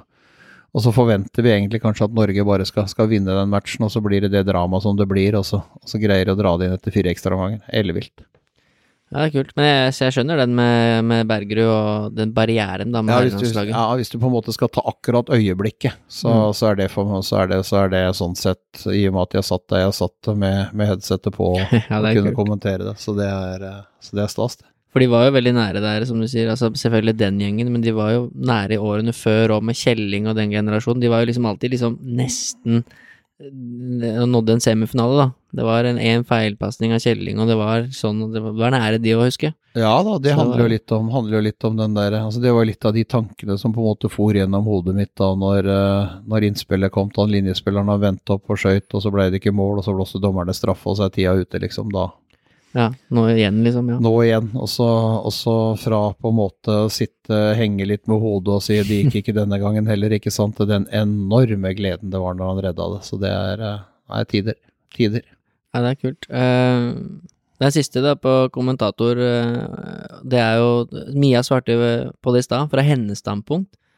Eh, og spørsmålet er jo hvordan har det vært å kommentere sin egen datter? Og så var det noen som spurte om hvordan det var å bli kommentert av sin egen far. Uh, Ja, ja, nei, det er, altså, de er jo alltid sånn De Det er alltid, altså, du, du må være profesjonell på det, og så, så, så er det jo alltid sånn sett Det går jo alltid utover henne, egentlig. Altså at du, du er jo mindre Altså du er jo mer kritisk eller mindre rosende sånn fordi at du er redd for at, eh, at folk skal oppfatte at du på en måte dytter fram. Og det er sånn er jo med alle, at du, du må på en måte på, på en måte prøve, du prøver å balansere, men du tenker deg kanskje litt mer om akkurat når du skal på en måte si noen ting, da, at det ikke du roser fullt så mye hvis det gjør noe veldig bra, eller forsterker hvis noe er dårlig. Det er, eh, det er, vel, eh, det er vel greia i det, så du passer deg for det. Det er, eh, det er vel sånn på en måte et, kanskje et dårlig svar, men, men, men det er det svaret som er, egentlig. ja. ja, for at nå, som du sier, dere har rettighetene på dansk håndball. Eh, så du kommenterer jo Eliteserien der nede. Men jeg kommenterte ikke kampen når hun ble skada, eller gjorde du det Nei, nå da satt jeg i sofaen bak deg der. Hadde gleda vi oss til kvartfinale i cupen og hadde tatt opp et glass vin og Ja. skulle se på den. Eh, det var kjempemoro i 20 29 minutter og Ja. 20 sekunder. Eh, Kanskje greit at du ikke kommenterte den kampen. Ja, det hadde ikke vært like lett å, like lett å kunne, kunne gjort noe utover annen omgang da, men, eh, men samtidig så er det altså det er jo The show must go on. Altså det, er, eh, det er de brutale fakta i den, i det, i den verden. Så, så men, men ja, innerst inne glad at ikke jeg kommenterte den. Ja, det blir gøy å se. Hun, hun jobber hardt for å komme tilbake igjen, så hun Ja, hun er flink. Så Ja, det har vært, stor tro på har det. vært, vært flink, og, flink og dedikert på å gjøre den jobben, og veldig oppsatt på å komme tilbake. Så det, er, det har vært viktig etter den, den første nedturen som kom, at du da greier å vri det til noe og, og prøve, prøve å fokusere på det positive. Og som, også som ung spiller, spilt mye kamper i 17-18-19-årsalderen. Kanskje ikke fått trent like mye fysisk som du, du kunne gjøre, fordi at eh, belastningen kampmessig var så stor. I tillegg så har du et par somre på rad, altså ikke hatt ferie i det hele tatt fordi du har gått fra seriespill, oppkjøring, til en juli måned og begynnelsen av august med, med juniormesterskap som, som spilles da. Så, så det er klart at uh, håp på den, uh, den på en måte som har greid å vri det til at hun kommer ut i utgangspunktet styrka fysisk på, på veldig mange måter. Da, som får gjort, eh, gjort mye av den grunntreninga og den greia som, som du kanskje ikke rakk å gjøre de, i de åra der. Så kommer du da fysisk styrka ut av det når du da altså, Det handler om én ting. jeg tror altså Den, den fysiske treninga kan du gjøre, den fysiske treninga får du gjort. Og så handler det til syvende og sist om å få orden på hodet og, og tørre, tørre å gå til igjen. ikke sant? Og stole på den treninga du har gjort, og stole på at du har gjort jobben godt nok. Og slippe seg løs eh, og, og, og la den mentale biten rundt det med at du har vært skada enten i en rygg eller i et kne, og at det kan være sånn at det, det ligger latent der. altså En rygg kan ligge latent og det kan komme tilbake. ikke sant? Så det er, Men, eh, men at du på en måte legger vekk det og gjør den jobben som kreves hver eneste dag for å holde sånne ting i sjakk. da. Altså For, for mannen i gata så har du ikke noe problem å på en måte gå med en, eh, gå med en, en eller annen eller begynner å få en prolaps eller noe. Men skal du klart drive med en idrett som, som er som håndball, med start, stopp, stor fart, masse juling, så er det klart at det, da, da vil du gjøre noe med det. Så, så det å gjøre den, den, jobben hver eneste dag som kreves for at du skal kunne være best mulig forberedt på å kunne gjøre det, det er, det er en viktig del av det hele. Ja, og det blir kult. Jeg gleder meg til å vært heldig å få være med litt på den reisen, da. Men jeg, jeg definitivt tror på at uh, Mia kommer sterkere tilbake, og hun uh, Det virker som at hodet hennes er på rett sted. Ja da, det er, jeg tror det er det nå i hvert fall. Så, så hun, hun, er veldig, veldig oppsatt på det, og da, da håper og tror vi at det går fint. Ja, det er bra. Eh, da er det litt sånn kule spørsmål. Vi var inne på det i stad. Eh, og vi kan ta den, den, første, for det kanskje ikke tar så lang tid, og så den andre som kanskje tar litt lengre tid, da. Eh, og det er først hvem som er tidenes håndballspiller, beste håndballspiller, både for herre og dame. Liksom, for du har jo nå sett håndball i veldig, veldig mange år, og opplevd mange, som du sier, forskjellige æraer av gode håndballspillere, da. Hvem som på en måte er den tidenes, og hvorfor. Nei, det, det, blir jo veldig vanskelig på veldig mange sånn. Også vi har snakka om Katrine Lunde. Jeg, jeg må, må, nok holde på damesida, så, så, med all respekt for, for Katrine Lunde, men, men, Cecilie Leganger, som var best i verden fra hun var 17 til hun var 37 nesten, det er, det er et unikum på alle mulige slags måter. Moderne målvakt som, som på en måte løfta målvaktspillet til, til et helt høyt og nytt nivå. Det er så det, er, det har jeg hatt tidligere på når jeg har tatt ut sånne ting, så har jeg holdt leganger, leganger høyest der. På herresida så, så er han ung ennå, men vi har aldri hatt noen som Sander Sagosen, som på en måte kan dominere turneringer så mye som han gjør, som kan dominere klubblag så mye som han gjør. Nå vant han Champions League med Kiel, han har, han har ført Norge opp der, og han er han er på en måte den alle snakker om rundt, og han, han blir aldri mett, han, han, vil bare videre. Og så syns jeg det er så kult på en måte med, med hele reisen hans fra, fra, det lille rommet i kjelleren eh, rett utafor Trondheim hvor pappa Erlend hadde, hadde, satt opp en ribbevegg og hadde noen vekter og ei mølle, og, og, det er klart at eh, når når han satte seg til, eller fikk et Fifa-spill til jul, liksom, og, så, og, og holdt på og satt og spilte det, og Uh, og, og Erlend spurte hva han ville. Han ville bli best i verden, liksom, på å spille håndball. Så sier han da, kan, da må du legge vekk den Fifaen. Og det gjorde han da, og, og har trent. Alt har vært en plan, liksom, med det, med det hele veien. Også fra Gikk tidlig fra Charlottenlund, stupte til, stupte til Haslum, og så var han der et år, og så dro han til Aalborg. Uh, dominerte den danske ligaen siste, siste året han var der, som, akkurat som han ville. Og så til Paris, og nå til Kiel. Så det er Så, så sjøl om han er ung, så, så har vi ikke hatt noen sånn. Vi har ikke det. Nei, det er jo som du sier, han er jo fortsatt ung, så Ja, han har mange år igjen på Han, han har mange år igjen og kommer til å glede oss i mange år, og det er, det er fint og flott og deilig. Så, så, så det setter vi pris på. Men, eh, men han må nok være der allerede nå, syns jeg. Det er kult. Det, det, som du sier, det er gøy å se også at han fra et fysisk trener sitt standpunkt, han har blitt ganske rå og fysisk. Han har sikkert alltid vært det, men, men de par-tre par, siste åra har han blitt ganske, ganske mye større. I hvert fall mitt inntrykk. Ja, da, han, han har jo på en måte hatt en plan hele veien. Skal gå opp x antall kilo på muskler og gå opp x antall kilo på muskler, og så har han gjort Og så har han på en måte Altså, han har bodd i nærheten av der hvor, der hvor de trener, bodd i nærheten av hallen hele tida, så ikke han skal bruke tid. Altså i en by som Paris, skal du bor Bor du på andre sida av byen, da, så bruker du to timer til trening, ikke sant. Han, han bodde i nærheten av hallen, stupte ut av leiligheten og kjørte sparkesykkelen til trening, så det så, så det er jo på en måte altså det, det, er, det har vært en plan med, med nesten alt hele tida, altså.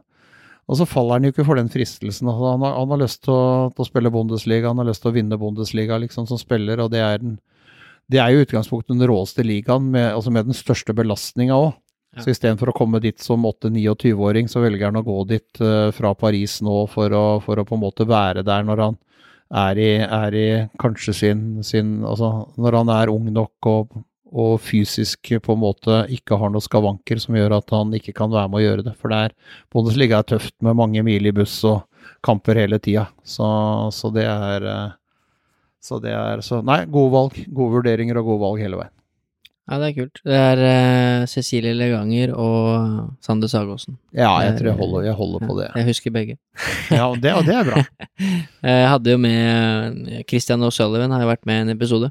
Og da stilte jeg ham det spørsmålet også hvem han mente var den beste håndballspilleren i verden, og han sa også Sander Sagosen at var, han hadde aldri spilt med noen som var på det nivået, da. Eh, kanskje heller aldri sett. Nei da, det er, det er klart at du har en Mikkel Hansen som har vært fantastisk på sine ting og alt det greiene der, men Sander er, Sander er syns jeg, enda, altså enda mer komplett.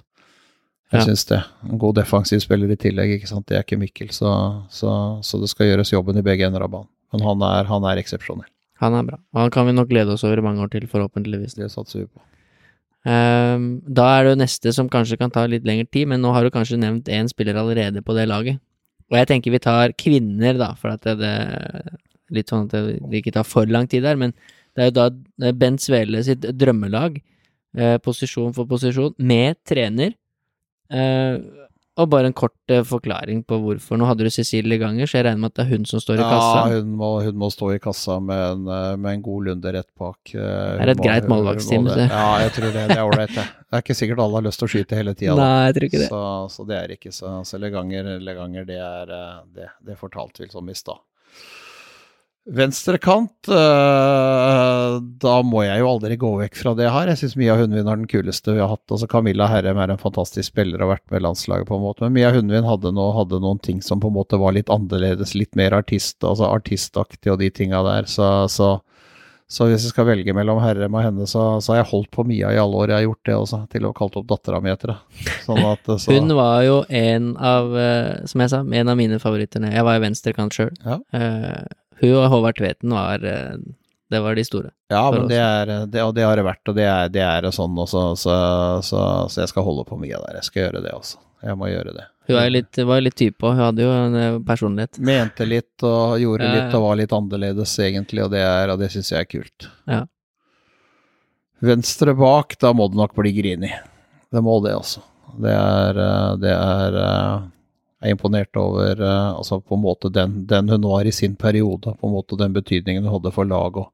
Den vinnerskallen hun var, i tillegg til å være altså, et rått skudd, ikke redd for noen verdens ting, så, så, så Grini må ligge venstre bak der. Og hun har jo også sett eh, Jeg mener jeg så Jeg husker henne veldig godt, hun var god. Jeg mener jeg så henne på et eller annet sånn Ikke Mesternes mester, men et eller annet sånn type program også, at hun, hun har fått en del uh, følger av å spille håndball på høyt nivå. Ja, så har jeg ødelagt knær hele tida, plunder, plunder med det. Så det er, eh, det, er, eh, det er jo på en måte da senskaden ut fra det hele. Det, det er det. Men, men, men i, i, sin tid og på sitt nivå så var hun en, en verdensener, så det, det er, er, vel fortsatt toppskårer, tror jeg, på, på damelandslaget med over 1000 mål, så Ja, ikke sant. Kult. Vi må holde henne der. Midten, så, så Jeg har jo levd så lenge. Det er klart Stine Beral Oftedal er jo der oppe og lukter på det, som nå er verdens beste kvinnelige håndballspiller. Så, men hun, hun, ryker for Gro Hammerseng Edin der, altså. Du må ha med kapteinen, landslagskapteinen. Eh, på en måte som, som både på og utafor banen var, var fantastisk. Så, så jeg velger, velger, Gro der, jeg. jeg. gjør det. Jeg trenger egentlig ikke noe nærmere presentasjon på det. Er, Gro Hammerseng er fair valg, det. Uh, det er det. Skal vi høyre bak, da? Ja, den er jeg spent på. Ja, det er uh, Tenke litt mer på den stupete høyrekant først, da. Skal vi gjøre det? Jeg tror vi gjør det. Kristine Duvolt, tenker jeg, fra Larvik. Ja, hun husker jeg. Var, eh, var, var, fantastisk god for Norge og fantastisk god for Larvik. En, en en, eh, en, en, ordentlig, en, ordentlig, god kantspiller med god spillerforståelse, stor fart, god defensivt. Så det var uh, I Larvik-perioden på topp der også var, eh, var hun uh, var hun ekstremt, ekstremt god. Og, og, og, fantastisk, fantastisk kvinne og flott. Det, det er morsomt å se på henne, se på henne spille håndball. Ja, hun var god. ja, var det.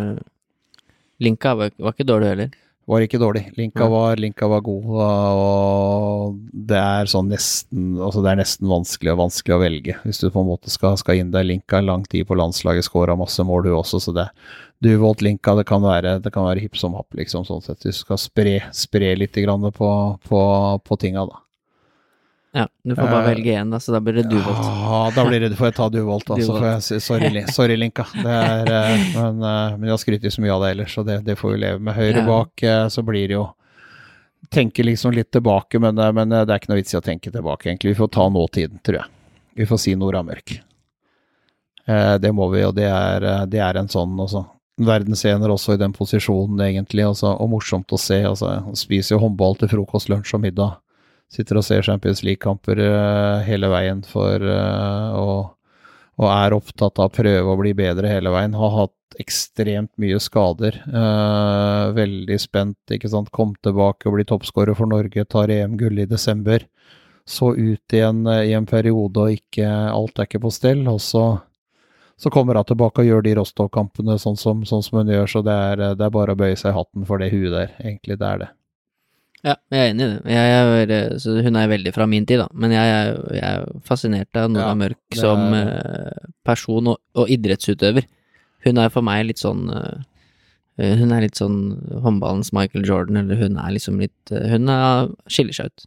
Ja, hun skiller seg ut. Hun, hun, tar plass, og hun har meninger, og hun men, men, hun har en sånn indre vilje, så hun vil så veldig masse, ikke sant. Både med, både med både for seg sjøl og, for lag, og elsker å vinne hater å tape. ikke sant? Og det er klart at det er, det er uhyre viktig å kunne, kunne ha, noen, ha, noen, sånne i lag. Og, og, i tillegg med de kvalitetene hun har i forhold til å finne linja, i forhold til å kunne skyte bakfra, i forhold til å kunne gjøre det. Så det er, det er bare det er, det, er et, det er et trygt og godt valg.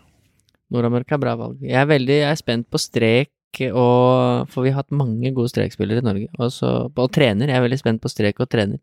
Trener trenger jo ikke være en landslagstrener, så det kan være hvem som helst. ja, ja, nei, det er uh, Altså, på strek så er det ikke Det er ikke så vanskelig for meg på strek, syns jeg. Det er Heidi Løke. Ja.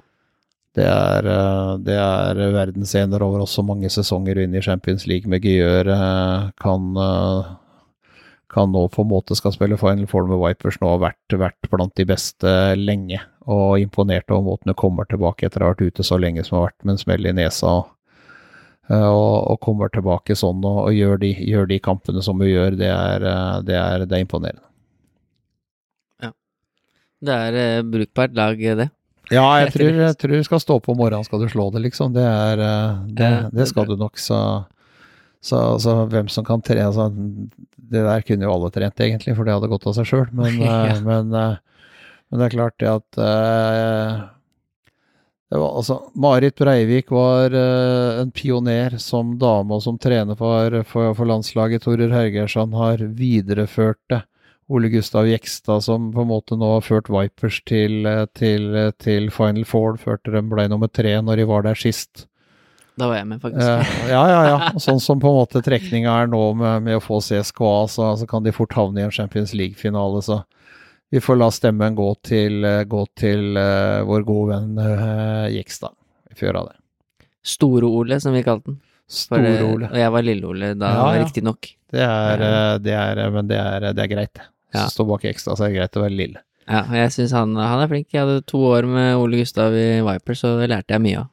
Uh, fikk jo æren av å holde litt foredrag med ham og, og ha litt trenerutdannelser og sånne ting, og han uh, han er en raring, men så er han så ekstremt dyktig på det han gjør, da. Ja. Og har veldig sånn naturlig autoritet, og så du hører på når han prater, da. Ja da, det er godt å få fram budskap og god formidlingsevne på det, så det er, det er kult og fint. Han er flink, han skal være med på podkasten seinere, han også, så da skal jeg si at du, du valgte den som ja, tidenes trener. Kan du si det. Det fortjener Han velger sikkert deg som tidenes kommentator. Ja, det, det håper jeg jo selvfølgelig. ja, men det er bra lag med en bra trener, så dem kunne nok fått eh, resultater, det laget der. Ja, det tror jeg. Det ja. tror jeg. Det er, det er, kult. Og da da er det litt sånn eh, Neste spørsmål, det kan jo passe fint. Det kom, Jeg hadde en sånn ny spørsmålsrunde bare sånn for å påminne folk, og da kom det faktisk noen spørsmål da òg, for ikke så lenge siden. Og det passer jo fint nå, og det er hvem det var hvem tror Mia og Bent uh, vinner Final Four.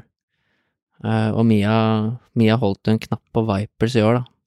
Tror hun både håpa det og uh, trodde at de kunne ta det i år, da. Ja, jeg håper jo det, jeg òg. Sånn at, at, de skal kunne, for norsk håndballs del, at vi skal kunne greie å ta tilbake. Det er jo bare Larvik som har vunnet Champions League av norske lag tidligere, så, så så jeg tror de har en, har en, god mulighet denne sesongen her, men det, det er klart de møter eh, Hvis alt går sånn som vi tror, da, at Viper slår CSKA i sin semifinale, og at, at Gjør da slår Brest i sin semifinale, så, så, tror alle at det på en måte skal gå lett. Men Brest er et godt håndballag, så, så de, skal, de, skal, gjøre jobben for å, for å komme seg til finalen. Men får vi en Vipers gjør i finalen, så skal det da altså Vipers ut mot, uh, mot et fantastisk håndballag som vel har jeg tror det er 55 Champions League-kamper på rad uten tap. Ja, det er noe sånt.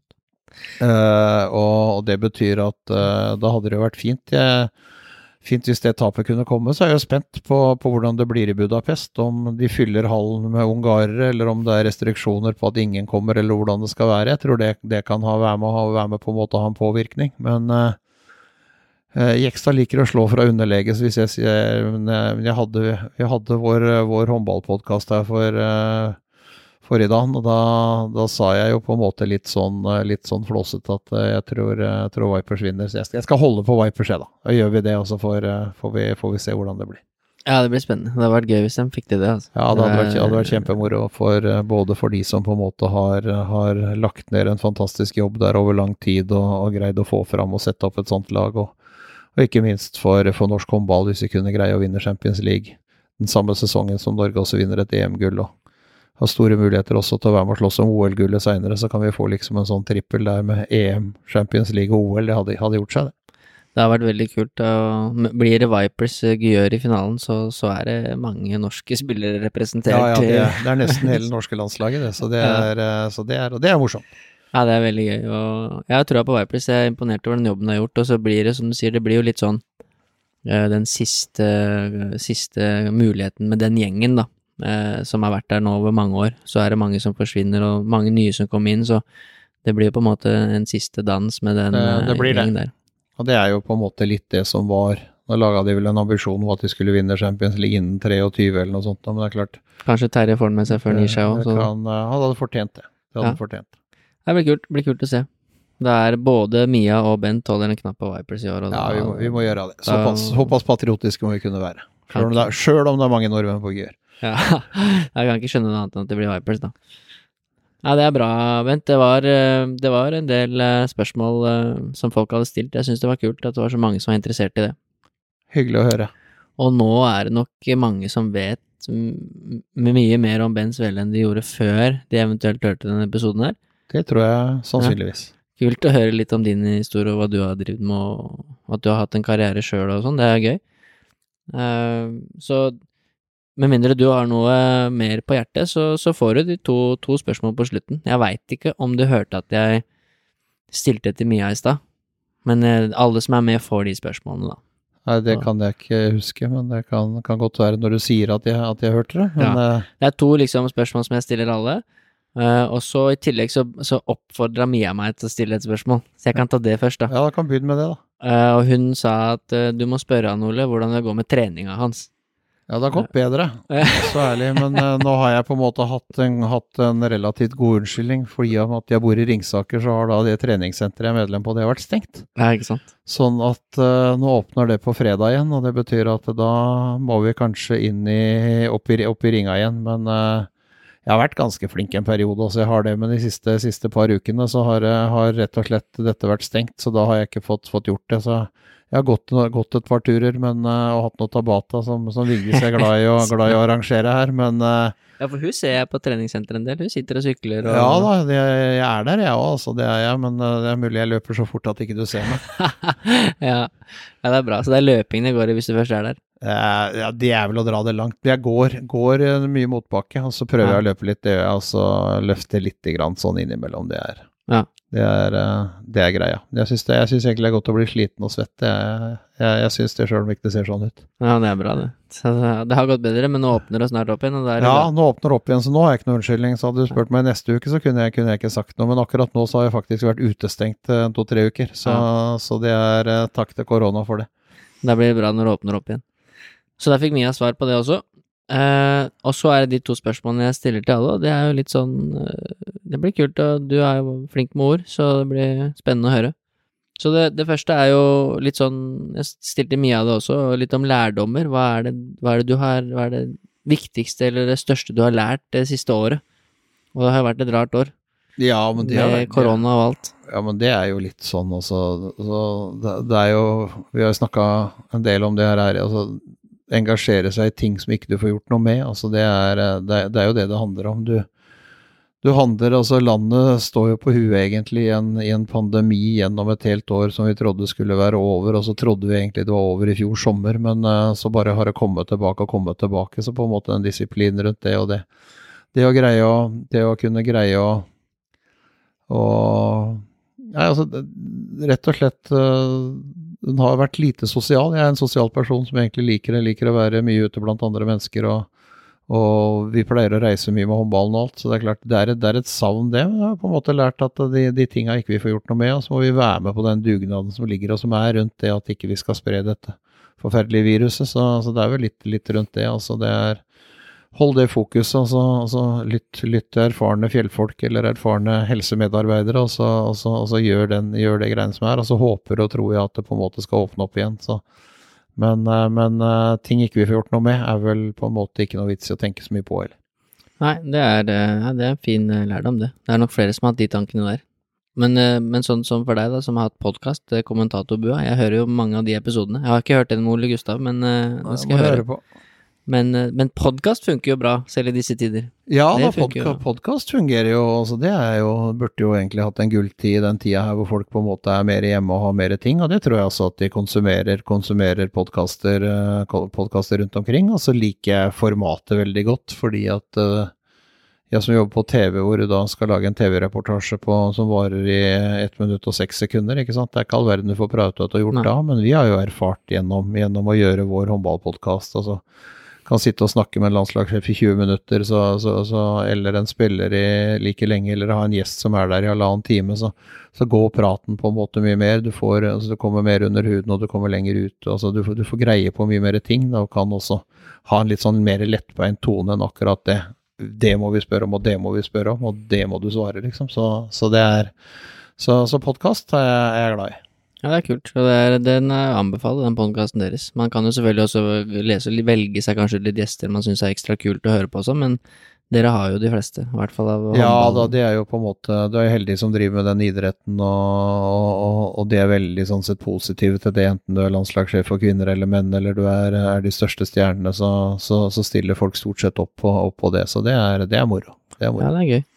Det er veldig morsomt. Eh, siste spørsmålet før vi runder av. Det begynner å bli seint på Hamar også, eller i Ringsaker. Det er jo, Ringsaker er det sent. det er jo uh, hva du er mest stolt av i livet ditt akkurat nå? Hva er jeg mest stolt av i livet mitt akkurat nå? Nei, det må være Det må være på en måte Det er jo flokken, det er jo de rundt deg, ikke sant. Det er jo, det er jo mor og far eh, som på en måte har, eh, har isolert seg gjennom også. Måten eh, de har takla, de tingene der på. Det, har vært, det er de to som er hjemme her. Det er datter og svigersønn og to barnebarn som, som løper rundt. Så det er liksom det er flokken på en måte som er, er, er, Det er det du alltid skal være mest stolt av. Det er flokken din. Ja, det er ikke et dumt svar. Det er, det er bra. Og du har jo mange òg. Jeg visste jo ikke at Mia hadde tre søsken. Så det er kult. Ja da, kult. Ja. Som også hadde spilt håndball, det visste jeg heller ikke. Så nå Nei. jeg veit mye mer om uh, Svele-familien etter den podkasten her, en, eller den episoden her, enn uh, før jeg kom. Det er jo godt. ja, det Har er du kult. lært noe? Ingenting er bedre enn det. Nei, det er gøy. Nei, så det, var, det setter jeg pris på at du stilte opp, Bent. Det var øh, Jeg er sånn, jeg har spurt mange, det er jo mange som jeg har sett opp til på en eller annen måte. Jeg har jo sett opp til dere og hørt på dere hele livet, sånn at det, det er jo en barriere også det å spørre om du har lyst til å være med på min podkast. Jeg tenkte jo også at liksom, faen, han gidder, hvorfor skal han gidde det, liksom? Men um, hvis man ikke spør, så får man ikke noe svar, og svaret var jo positivt òg. Ja, men det er jo det som folk er så altså, på, på generelt grunnlag så er folk for redde for å spørre ikke sant, om, om noen ting. Altså, folk, er, eh, folk er stort sett hyggelige, og det er, eh, det er ikke noe Hva hva er det verste som kan skje, liksom? Det er Det er- bare få et nei. Ja, det er jo ikke noe, så går du videre. Så det er, men, men det var bare hyggelig å kunne, kunne være med på det her. Det er alltid moro å kunne stille opp. Så er jeg glad i å prate, vet du. Så da har jeg Ja, det har fått, fått, fått, fått prata, litt, eh, prata litt i kveld òg. Det, Det- er deilig, det. Det har du ikke noe problem med. Det går bra, det. Nei, Det er jeg er kult, så takk for at du stilte opp, og det blir, jeg tror det er mange som eh, blir en populær episode der. Vi får håpe det. Vi får håpe det for din skyld. takk skal du ha. Tusen takk for at du har satt av tid til å lytte. Det setter jeg stor pris på, og jeg håper at du sitter igjen med noe verdifullt. Hvis du ønsker mer inspirasjon til trening og helse, følg meg, coach Elo, på Instagram. Der kan du også stille meg spørsmål, samt komme med tilbakemeldinger til podkasten. Du finner lenken i episodebeskrivelsen.